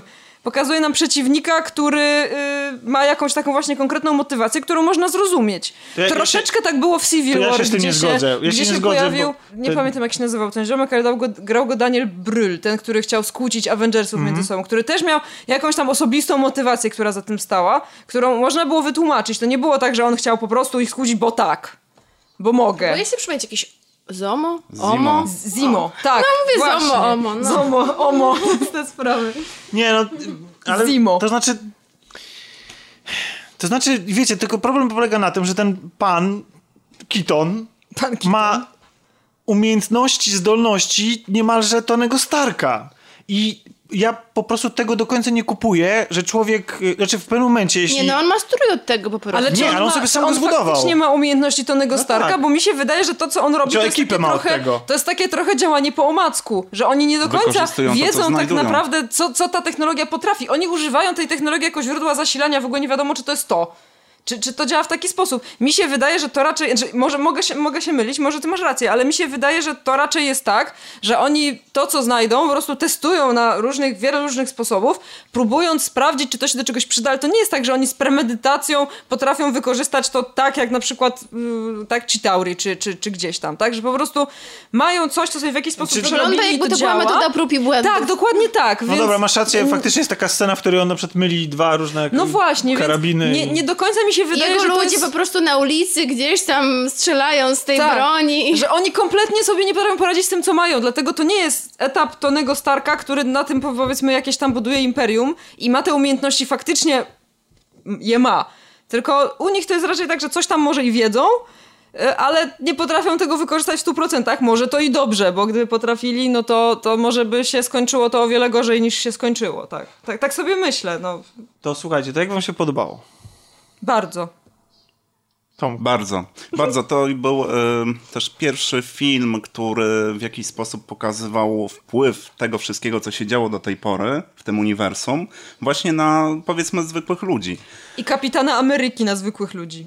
No właśnie, e, chciałam o tym dodać, jak się wszyscy wypowiedzą, jak się podobało. Chciałam powiedzieć, że wstawki z Kapitanem Ameryką były cudowne. Naprawdę były cudowne. Jak Ale to jest, to, to, jest, to jest fajne właśnie, że to, to, to, co Tomek powiedział, że widać jak to wpływa na zwykłych ludzi. Mamy opinie właśnie takich zwykłych ludzi, którzy mówią, no tak, to oni tutaj właśnie przeprowadzili wszystkie te walki i teraz oni sami po sobie sprzątają i jeszcze rząd im za to płaci. Taka jest sprawiedliwość tutaj w tym kraju, tak? Więc są takie właśnie, e, fajnie, że jest pokazane to, jak to wszystko, co się działo, wpłynęło na zwykłych ludzi. No i nawet sam bohater, który, no do tej pory mieliśmy bohaterów, którzy stawali się bohaterami albo byli z nadania niejako, e, a tutaj Tak. mamy pierwszy właściwie raz chyba osobę, która jest zainspirowana i patrzy na tych Avengersów jako na swoich idoli i właśnie Tak. chce działać razem z nimi. No zresztą ci, ci, ci Avengers jako idole są, tak jak Kasia tutaj powiedziała, są wykorzystywani na przykład w procesie edukacji. Dokładnie. Ale tak, właśnie chciałam powiedzieć o Kapitanie Ameryce. I do scen końcowych. I, i znajdują się w filmie chyba dwa propagandowe filmiki z Kapitanem Ameryką. Propagandowe! Ale właśnie co jest bardzo cie- e, edukacyjno-propagandowo-wychowawcze, e, co jest bardzo ciekawe, zresztą to jest wspomniane w filmie, że Kapitan Ameryka już teraz nie powinien występować w tej roli, bo jest on już tutaj wyklęty, bo to już się toczy Tak. po, Ale po to Civil War. ale to- Ale A rząd to nie każe, przeszkadza ale, ale używać każe, tych tak. filmików. Tak, i Co filmiki prawda jest są, zły, ale i tak go słuchajcie. Są bardzo śmieszne naprawdę i, i są w taki przerysowany sposób pokazane, jakie to właśnie filmy są pokazywane młodzieży w szkole. ciekawe, czy mają taki filmik, gdzie kapitan Ameryka uczy antykoncepcji. Na pewno, na pewno. I kondoma na banana zakłada. I... Nie idźcie na dubbing. Nieważne, że on nie jest taki wcale taki zły. Dysproporcja między tym, jak brzmią aktorzy, jak przede wszystkim jak brzmi Spider-Man i, ho- i sam Holland. Jak brzmi? Znaczy brzmi w oryginale swoim gościem Znaczy jest nie, super. ja mówię jak brzmi w dubbingu, bo po, nie po, prostu, słyszałam. po prostu jest, czujesz, że to jest, wiesz, że to jest film jeszcze bardziej to podbija, że to jest film dla nastolatków. To nie jest tak, że, że to jest jakiś mega zły dubbing, ale, ale jak usłyszycie już wersję oryginalną, to się przekonacie, że nie powinniście tego dubbingu oglądać. Bo Holland moim zdaniem sprawdza się w roli Spidermana rewelacyjnie. I uwielbiam e, Garfielda jako Spidermana, ale 21-letni Holland jako 15-latek jest super, nie wiem czy się ze mną A czy jeszcze ja mogę odpowiedzieć na pytanie, jak nam się podobał? No jasne, oczywiście, no to, to jest kontynuacja tego pytania przecież. E, bo Ania z Tomkiem podeszli bardzo entuzjastycznie, że bardzo. Mnie się podobał, bo już mówiłam wcześniej, że się świetnie bawiłam i bardzo przyjemny seans, ale nie byłam zaangażowana emocjonalnie, tak jak na przykład byłam w Civil War. E, I tamten film e, spowodował u mnie potem jakieś tam myśli, jak powinno być, jak ja bym zrobiła na miejscu bohaterów, po której stronie bym była i tak dalej. No tutaj ja potraktowałam ten film jako czystą rozrywkę i chyba właśnie z tego powodu, że był to konsekwentnie prowadzony film młodzieżowy, nie za bardzo się wczułam. E, I, I przez to troszeczkę ob- obniżę ocenę, ale nie mówię, że film był zły. Ja też się nie To wczułam w- tak do końca, ale to mi nie przeszkadzało akurat w przypadku tego filmu. Ja drugim... Faktycznie w Civil War wczułam się bardziej, to Kasiu masz rację, że on, to był film taki chyba najbardziej emocjonalnie angażujący ze wszystkich Marveli do tej pory. E, tych e, powiedzmy z MCU, ale, ale tutaj to A może to, było jest, tak, może że... to znowu jest problem samej postaci. Może znowu to jest y, zupełnie jak z komiksami. To jest jednak chłopak i przeżywający trochę jednak chłopackie problemy. I może... Może. Może, bo to jest... y, Może dziewczynom trudniej się rzeczywiście No dobra, ale, ale, ale, ale, oprócz, ale oprócz tych wątków osobistych, no to mamy cały czas jeszcze tę główną intrygę i mamy te sceny akcji. Jak one wam się podobały w ogóle? Bo ja, ja, tutaj, ja tutaj mówię, że on jest postawiony w sytuacjach, w których lepiej się sprawdza Iron Man i być może to jest celowe. Być może to właśnie, właśnie tak, tak miało być. Nie jestem zadowolony z finału niestety. Nie podobał mi się finał. Nie podobał mi się w jaki sposób był rozegrany i nie podobał mi się gdzie był rozegrany i, i w ogóle stawka mi się nie podobała. Powiedziałeś w. Nowym Jorku, Ja a myślałam, tu że sceny akcji był były finał. bardzo lokalne. Znaczy chodzi mi o to, że on nie bujał się na tych wielkich wieżowcach tak naprawdę gdzieś tam w centrum, znanych nam z innych filmów. On cały czas gdzieś tam się obijał na przedmieściach, Miał o te dachy. rewiry. Obijał się na przedmieściu. No ale chodzi mi o te dachy, o te drzewa. Na Przedmieścia prowincji. Waszyngtonu. Co zresztą, co zresztą skutkuje też takimi parokuriozalnymi sytuacjami, w których tutaj nie zdradzają zbyt wiele, e, No nie ma się o co zacz- zaczepić. z- zaczepić, tak. I musi sobie Bywa. radzić. Bywa. Nie no, ale chyba wszyscy bawiliśmy się dobrze, nawet jeśli niektórzy mamy jakieś zarzuty. Ja, I wyszła, ja wyszłam z kina tak ucieszona, że z wrażenia nie mogłam spać potem, dlatego jestem dzisiaj niewyspana. Przyszłam, Naprawdę? tak, przyszłam do domu, e, położyłam się spać, miałam takie... Ja nie mogłam spać. Ja się No. na, za drugim razem bawiłem lepiej niż za pierwszym i to nie chodzi wcale o dubbing. Chodzi o to, że za pierwszym razem um- umknęły mi pe- pewne rzeczy, właśnie takie rzeczy dla mnie typowe e, dla te, takich, takich rzeczy, których oczekiwałem od tego Spidermana, nie będąc fanem zresztą, że on będzie właśnie inteligentny, że będzie pokazany on jako nerd, że sobie radzi za pomocą własnych umiejętności. Odkryłem więcej humoru jeszcze. Muzyka w tym filmie jest świetna. I, i, w, Animacja na końcu. w ogóle na- jak, jak, się, jak się, animacja końcowa jest super. Jest jedną z najlepszych w ogóle chyba, jakie widziałam u, u Marvela. I w ogóle początkowa animacja logotypu Marvela, nie wiem czy... Tak, czy, tak, Jest z tak, muzyczką tak, tak, tak, Spider-Man, Spider-Man. Film jest efektowny, bardzo zabawny, ma doskonałe tempo, świetnie pokazuje 15-latka i niestety moim zdaniem, to, to jest moje zdanie i teraz przejdziemy sobie do bardzo krótkiej części spoilerowej. Moim zdaniem niestety film zawodzi, jeśli chodzi o morał. I to jest mój główny zarzut do tego filmu. Bo y, jeżeli wy nie mieliście z tym, mieliście z tym problem, nie mieliście z tym problemu? Nie. Tak. Nie, nie mieliście. Morałem? Nie, no był morał. Nie, ten film, ten film twierdzi, że go ma, ale w efekcie go wcale nie pokazuje. Mało tego. Jestem pokaz- za stary na morały dla nastolatków. Dokładnie nie tak. uwagi Weź, na to no, w filmach. Takie po prostu No tutaj. ciężko rozmawiać o morale, kiedy nie możemy zdradzić jaki jest, Jasne, więc no okej. No mi ten film trochę, to chciałem tylko zaznaczyć dla tych, którzy jeszcze nie widzieli. Na pewno nie, to nie jest powód, dla którego mielibyście nie odwiedzać kina, albo w ogóle miałbym komukolwiek to odradzać, bo film daje kupę radości. Nadal chyba będę jednak bardziej sobie w sercu trzymał wersję z Garfieldem. Była i z Emma Ojej. Stone i ona była jednak, jest jakaś taka, może bliższa mojemu wyobrażeniu tej postaci. Jesteś kolejną osobą, która pisze, że wersja z Garfieldem będzie trzymać bliżej serduszka tylko i wyłącznie przez wzgląd na Emma Stone. Nie, nie, nie tylko. No Ale... tak, dzisiaj usłyszałam już taki No okej, komentarz. no to że- niech będzie. I tak, że tak. kocham Emma Stone. Ale nie, nie, bo to jest, to jest ciekawe, bo, bo może faktycznie Nie to jest kwestia ostatnio. tego, że... Patrz, Tom Holland też do mnie nie odpisuje, pewnie jestem za stara. Dobrze, przejdźmy na chwilę do części spoilerowej, co? No. Bo ja bym chciał... y, Potrzebujemy? Tak, ze względu na dwie rzeczy. Jeden wątek. Uwaga, teraz będą spoilery, jakby ktoś nie zauważył. Uwaga, wyłączać! Bardzo mi się spodobało to, że on się okazał, w sensie, że Keaton się okazał ojcem tej dziewczyny, bo to wprowadziło do filmu coś, co dla mnie było zawsze mega ważne w Spider-Manach, jako nie fana zresztą, nie, nie wiem, zbyt dużo uwagi poświęcam temu, temu bohaterowi. Mianowicie wprowadzenia wątku osobistego z przeciwnikiem. Takiego, w którym on musi łączyć życie osobiste z, ze swoim obowiązkiem bycia super, superbohaterem. Tak, akurat dla niego A jest tam to nie było w którejś części, że jakiś przeciwnik był jakimś jego wujkiem, czy coś Zawsze takiego? tak było, że... Wujkiem nie, ale- Wujkiem nie. Wo- wo- Wujek to umarł.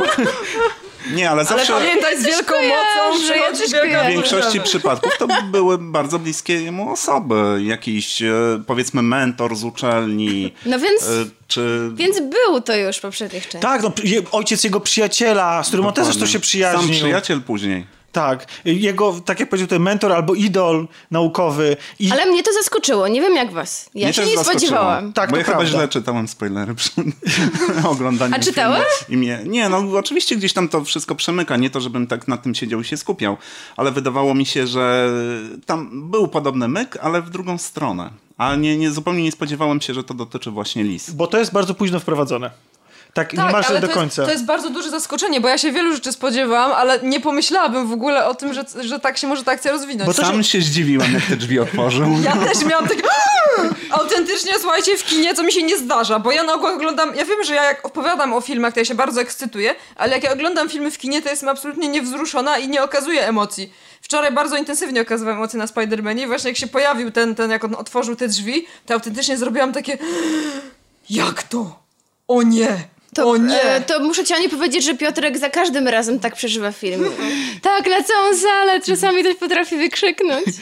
Nie, no to generalnie ten twist jest łatwy, do, łatwy, do, łatwy do przewidzenia, ale w tym filmie nie jest łatwy do przewidzenia ze względu na no, odmienny kolor skóry, to jest, to jest pierwsza rzecz, a druga rzecz to jest, y, to jest to, że on jest tak późno wprowadzony, znaczy w sensie jakby ujawniony nam, że o nim zupełnie zapominamy, że on nie ma wcześniej takich oczywistych, takich, no tam niby słychać o tej rodzinie, on tam ciągle odwołuje się tam do swojego dziecka i tak dalej, ale, ale to nie jest, nie jest jego płeć zdradzona. Właśnie scena w, tym samochodzie momencie- e, była jedną z najlepszych scen Tak. tego filmu, moim zdaniem. tak. Świetnie ja chcia, chciał, chciałbym pozdrowić pewnego naszego słuchacza, Mikołaja, który e, był, musiał wyjść podczas tej sceny z kina i no, autentycznie i później, do, i, później do mnie, i później do mnie pisał, że słuchaj, co tam się wydarzyło, że ten e, Keaton się dowiedział, że No Peter jest nie, no, taka Spider-Manem. Świetna scena. A to jest jedna z najlepszych scen. Cała No sekwencja w właśnie. samochodzie, trochę naiwna, taka z punktu widzenia scenariusza, że ona tak mu w takie, tak podprowadza i tak go tam w tym momencie akurat wyjawia, że, że on nie był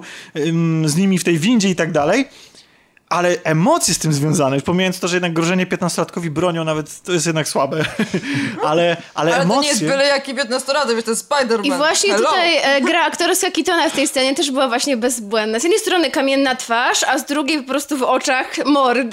No i przede wszystkim, na, Niesamowite. przede wszystkim wprowadziła właśnie ten wątek tego dylematu osobistego. Co prawda Peter się z, z nim rozprawia właściwie natychmiastowo i podejmuje taką decyzję, jaką podejmuje. No jako, my jako widzowie o trochę od niego oczekujemy. Wybiera ideały, a nie pobudki niższe, typu zatańczyć na balu to nie, z to dziewczyną. nie, to, to nie był nigdy, to, to, jego to w ogóle nigdy nie obchodziło. On zawsze, i to jest właśnie, to jest akurat piękne w Spider-Manie, on zawsze ma dylemat pomiędzy życiem osobistym, gdzie on chce, że on chce zachować na przykład przyjaźń. Tutaj tu chodziło o tą jego dziewczynę, o to, czy jak ona, moim zdaniem, to, to dla niego było ważniejsze.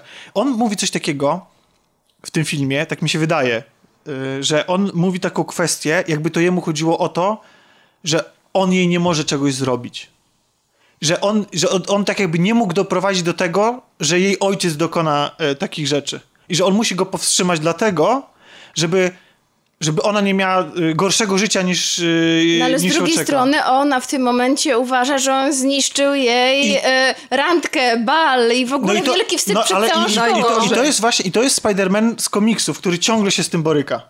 Który ciągle się boryka z tym, że, że Musi on... uciekać z randek. No ale dopiero, dzieje. e, dopiero Mary go zrozumie. No. Nie, no i Gwen go rozumiała, tylko mm, chodzi o to, że to nawet nie chodzi o takie proste, że wiecie, że zawalasz swoje życie osobiste, bo to jest banał. Komiksy często to podkreślają. Tylko chodzi o to, że on z tymi złoczyńcami chce żyć na, na innej stopie. Że, on, że dla niego to są bliscy ludzie. I tutaj on jako teść w cudzysłowie, to też jest w jakiś sposób nagle się staje kimś mega bliskim. To jest dylemat.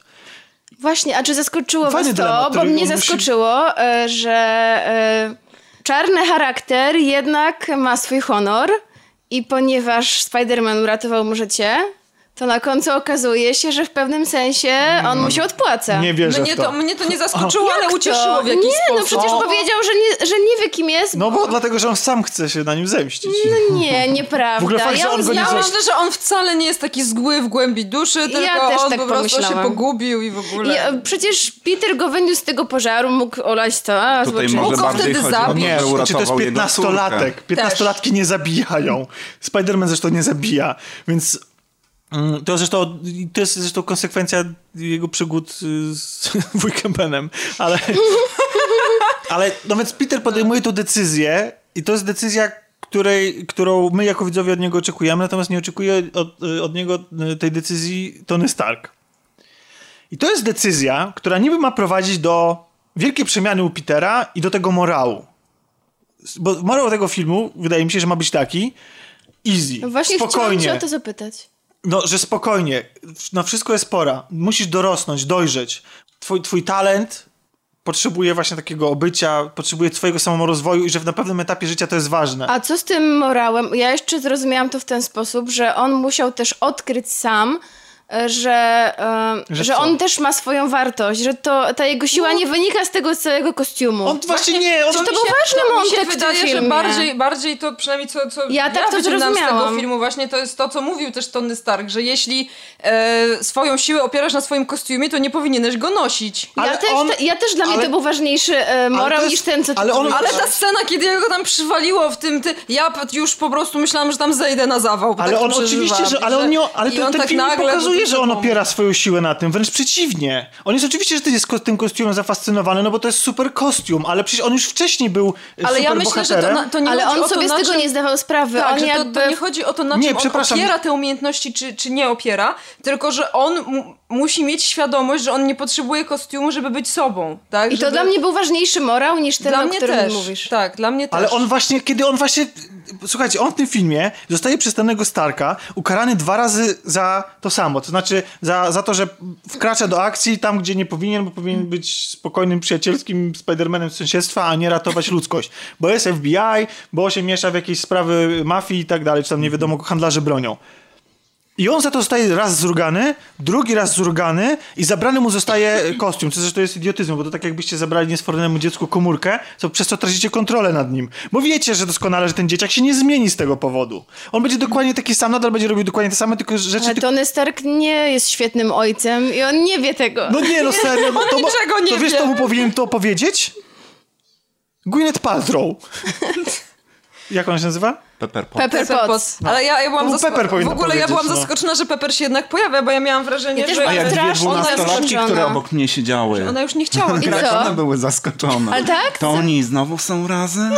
Ale, ale, ale Tomek, ja powiedziałam dokładnie to samo w tym momencie. Jak to? To oni są razem? No bo to w ogóle nie było wcześniej nic o- na ten temat wspomniane. Przecież oni mieli przerwę, Tak, więc przerwę. ja myślałam, że już rozstanie, że już koniec i nagle No bo powraca. tak by, to, tak by to wynikało z Civil War, gdzie faktycznie jakby miało się wrażenie, że oni A się tu nagle na wszystko dobre. jak gołąbeczki, No ale- ciu, ciu, ciu, ciu, Ale może. Gwyneth, Gwyneth musiała sobie sf- sfinansować jakąś operację. Nie, i- nie, ona miała jakieś awantury ostatnio związane z tymi produktami pseudoleczniczymi, które sprzedaje, No więc może i- jej się kasa kończy no po właśnie. prostu i tak. Słuchajcie, no więc zostaje, to wracając do, do, do tego morału, zostaje on zdrugany dwa razy, po czym w finale, co robi Parker? Bo powinien się nie angażować, po czym w finale Parker podejmuje decyzję, że znowu się zaangażuje. Robi za trzecim razem dokładnie to samo. Nie, najpierw się wycofuje i dziękuję za propozycję wystąpienia w Avengers. Nie, nie, nie, nie, nie, nie, nie. Nie, nie. To, on, to jest koniec. Ja mówię o trzecim akcie. Po tym, jak on zostaje dwa razy zrugany, zostaje mu odebrany kostium. Jego, on powinien być teraz właśnie siedzieć lay low, tak? W sensie siedzieć, siedzieć, siedzieć nisko, nie wychylać się i tak dalej, uczyć się i dbać o siebie. Swoją drogą, w ogóle to jest zabawne. Wiecie, że w tym filmie wszystko wszy- y, mu jest wybaczone? Absolutnie wszystkie przewinienia. Y, niszczy mienie, przecież przelatując przez te domy nieporadnie i tak dalej, nikt nie ma do niego o to pretensji. Jego dziewczyna, w sensie ta Liz, wybacza mu wszystkie jego zniknięcia, y, błędy, cokolwiek. Y, Ciocia May... Gdzie mu wybacza Wybacza Liz? mu. Nie, to jest raczej tak, że znaczy, ja to odebrałam Nie, na tak, końcu, że Liz wcześniej. jest... Na kontu się dość gorzko żegnają. Tak, właśnie, że ona jednak, znaczy ona No, ma, ma większy ona problem ma przesrane właśnie, no. więc, więc trochę ma na to pewnie wywalone, ale e, i tak ma się wrażenie, że ona ma do niego żal, tylko że po prostu Taki nie wiesz, chce, że martwiłam chce się jakby- bardziej niż nie jestem na ciebie zła, że nie wziąłeś udziału w tej olimpiadzie. Em, ciocia May, piąty, szósty, si- dziesiąty plecak i w ogóle jestem y, gdzieś tam, wiesz, wy, wyrzucili mnie z, ze Stark, od Starka, nie chodzę do szkoły, mam problemy. Y, ze szkoły nie zostaję wydalony, bo wszyscy się nad nim tak litują. Ale to dobra, to nie jest zarzut, tylko zauważyłem fakt. No więc dwa razy zostaje ukarany za to samo. Ma się nie wychylać. Trzeci raz się wychyla, mało tego prawie nie ginie. To, że on zyskuje siłę, żeby podnieść, yy, co zresztą jak Tomek świetnie zauważył, to jest? To jest e, Scena? cytat z kadru, z komiksu, który zresztą w samych komiksach był później wielokrotnie e, na różne warianty wykorzystywany. Tylko tam, jak drugi Tomek też świetnie zauważył, tam była znacznie inna, Słodzą. e, zupełnie inna sytuacja. Tam stawka była większa, bo chodziło o chorą ciocię May.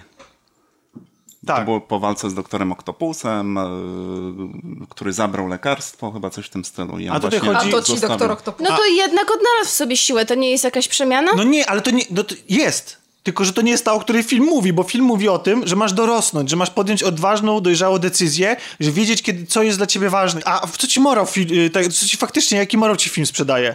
Rób to, co robiłeś do tej pory. Tylko musisz znaleźć sobie siłę fizyczną. To, to, to na tym po, polega to dojrzewanie, że on po prostu jest na tyle silny, że, że zdeterminowany, że podniesie żelbetonowe klocki, bo on, y, Tony Stark go zaprasza i mówi mu, no przeszedłeś przemianę, zrozumiałeś, co jest ważne, nauczyłeś się. Czego on się nauczył w tym trzecim akcie? Dla mnie na tym, na tym polu film zawodzi. Jasne, podniósł te żelbetonowe klocki, y, uwierzył we własne siły, ale o tym był film, żeby uwierzyć we własne siły? Mi się wydawało, znaczy może, może ja też źle odbieram ten film, ale myślę, że każdy sobie może, że tak nieładnie powiem po swojemu interpretować. Jasne. Ja nie odebrałam tego filmu jako tego, Nie, że to jest jest jedna historia o... kolaudacyjna. Tak! E, Musimy jedno wspólne stanowisko jakieś ustalić. Dopóki nie E, przegłosujemy, nie wychodzimy. Dokładnie tak. siedzimy Ładnie tutaj. uwaga. siedzimy Kto jest prokotolantem tego spotkania? E, kto, ktoś się znajdzie. Komisja skrutacyjna. E, chciałam powiedzieć, że mi się wydaje właśnie, że ten film nie jest o tym, że on się ma nauczyć, tylko ten film jest o tym, że on ma trochę odkryć, kim on jest naprawdę.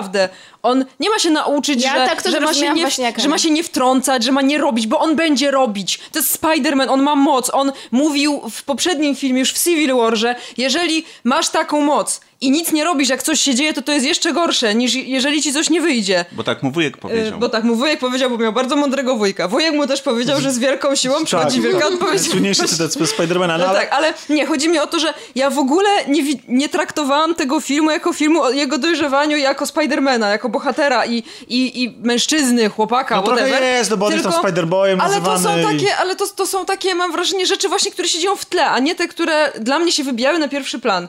Dla mnie No właśnie dobrze, na pierwszy no- plan się wybijało to, że on zrozumiał, że... Bo on miał taki moment takiego właśnie Zwątpienia że, że, w Tak, siebie. zwątpienia i że zbytnio polegał na tym swoim kostiumie. To jest to, co powiedziałyśmy I wcześniej. tak. I, on I musiał odkryć, że da ale- radę ale, ale, sam ale to ja tego zrobić. zwątpienia w ogóle nie zauważyłem. On się, on się wyciszył na, ewidentnie na to, że ponieważ chrzanił dwa razy sprawę, dostał po uszach, został ukarany, w związku z tym... No jak, Ale z po- drugiej jak strony w tej 15-latek po prostu- sytuacji widział, że nikt poza nim tej sytuacji nie traktuje poważnie. Tak, że No ja, ja rozumiem, miał, ja rozumiem, tak, on miał wiedział, rację. że sam jako, tak, jako tylko, no, jedyny może tylko do mi się to nie przekłada na ten morał po prostu. W sensie to, co się dzieje w trzecim akcie, ja, ja rozumiem, że gdyby film o tym traktował, że nie jesteś zależny od kostiumu, że musisz odkryć w sobie tą siłę, że ty jesteś wartością.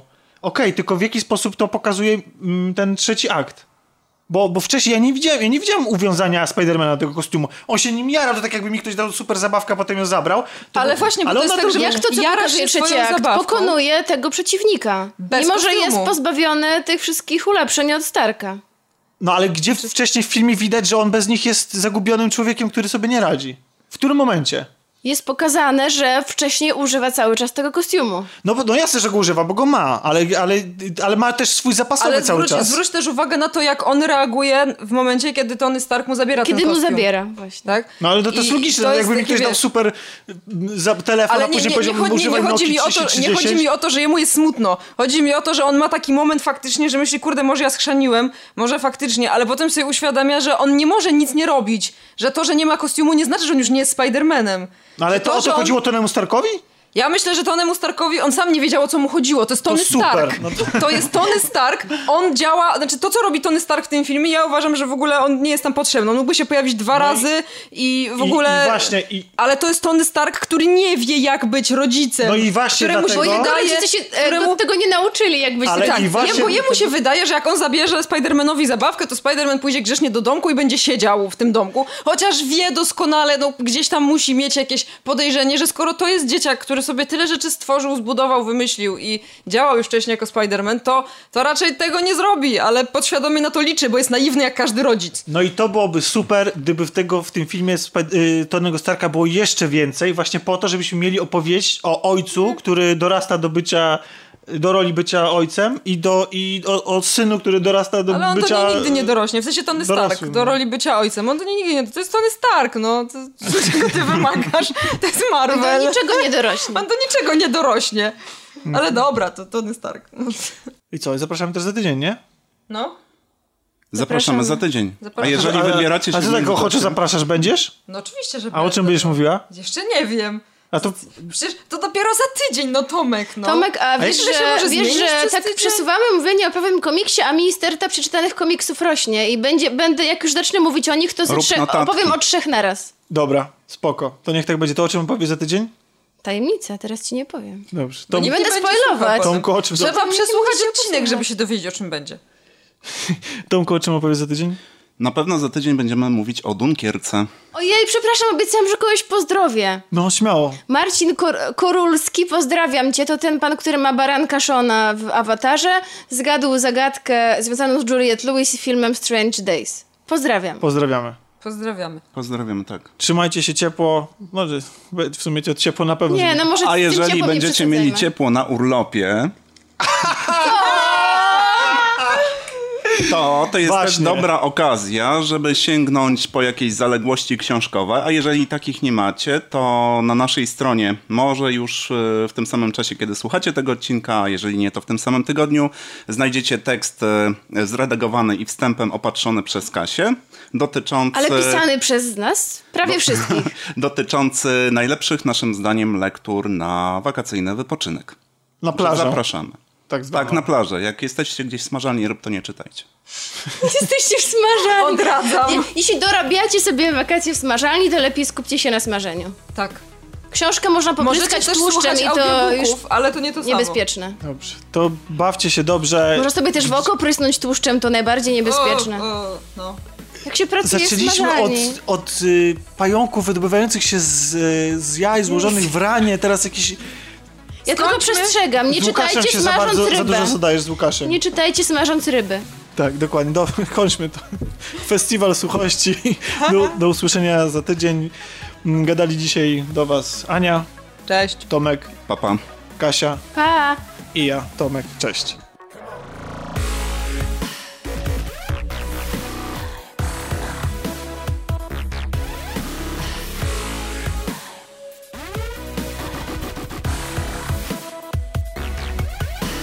Słuchałyśmy sobie radia i w radiu zaczęła lecieć muzyka z Twin Peaks.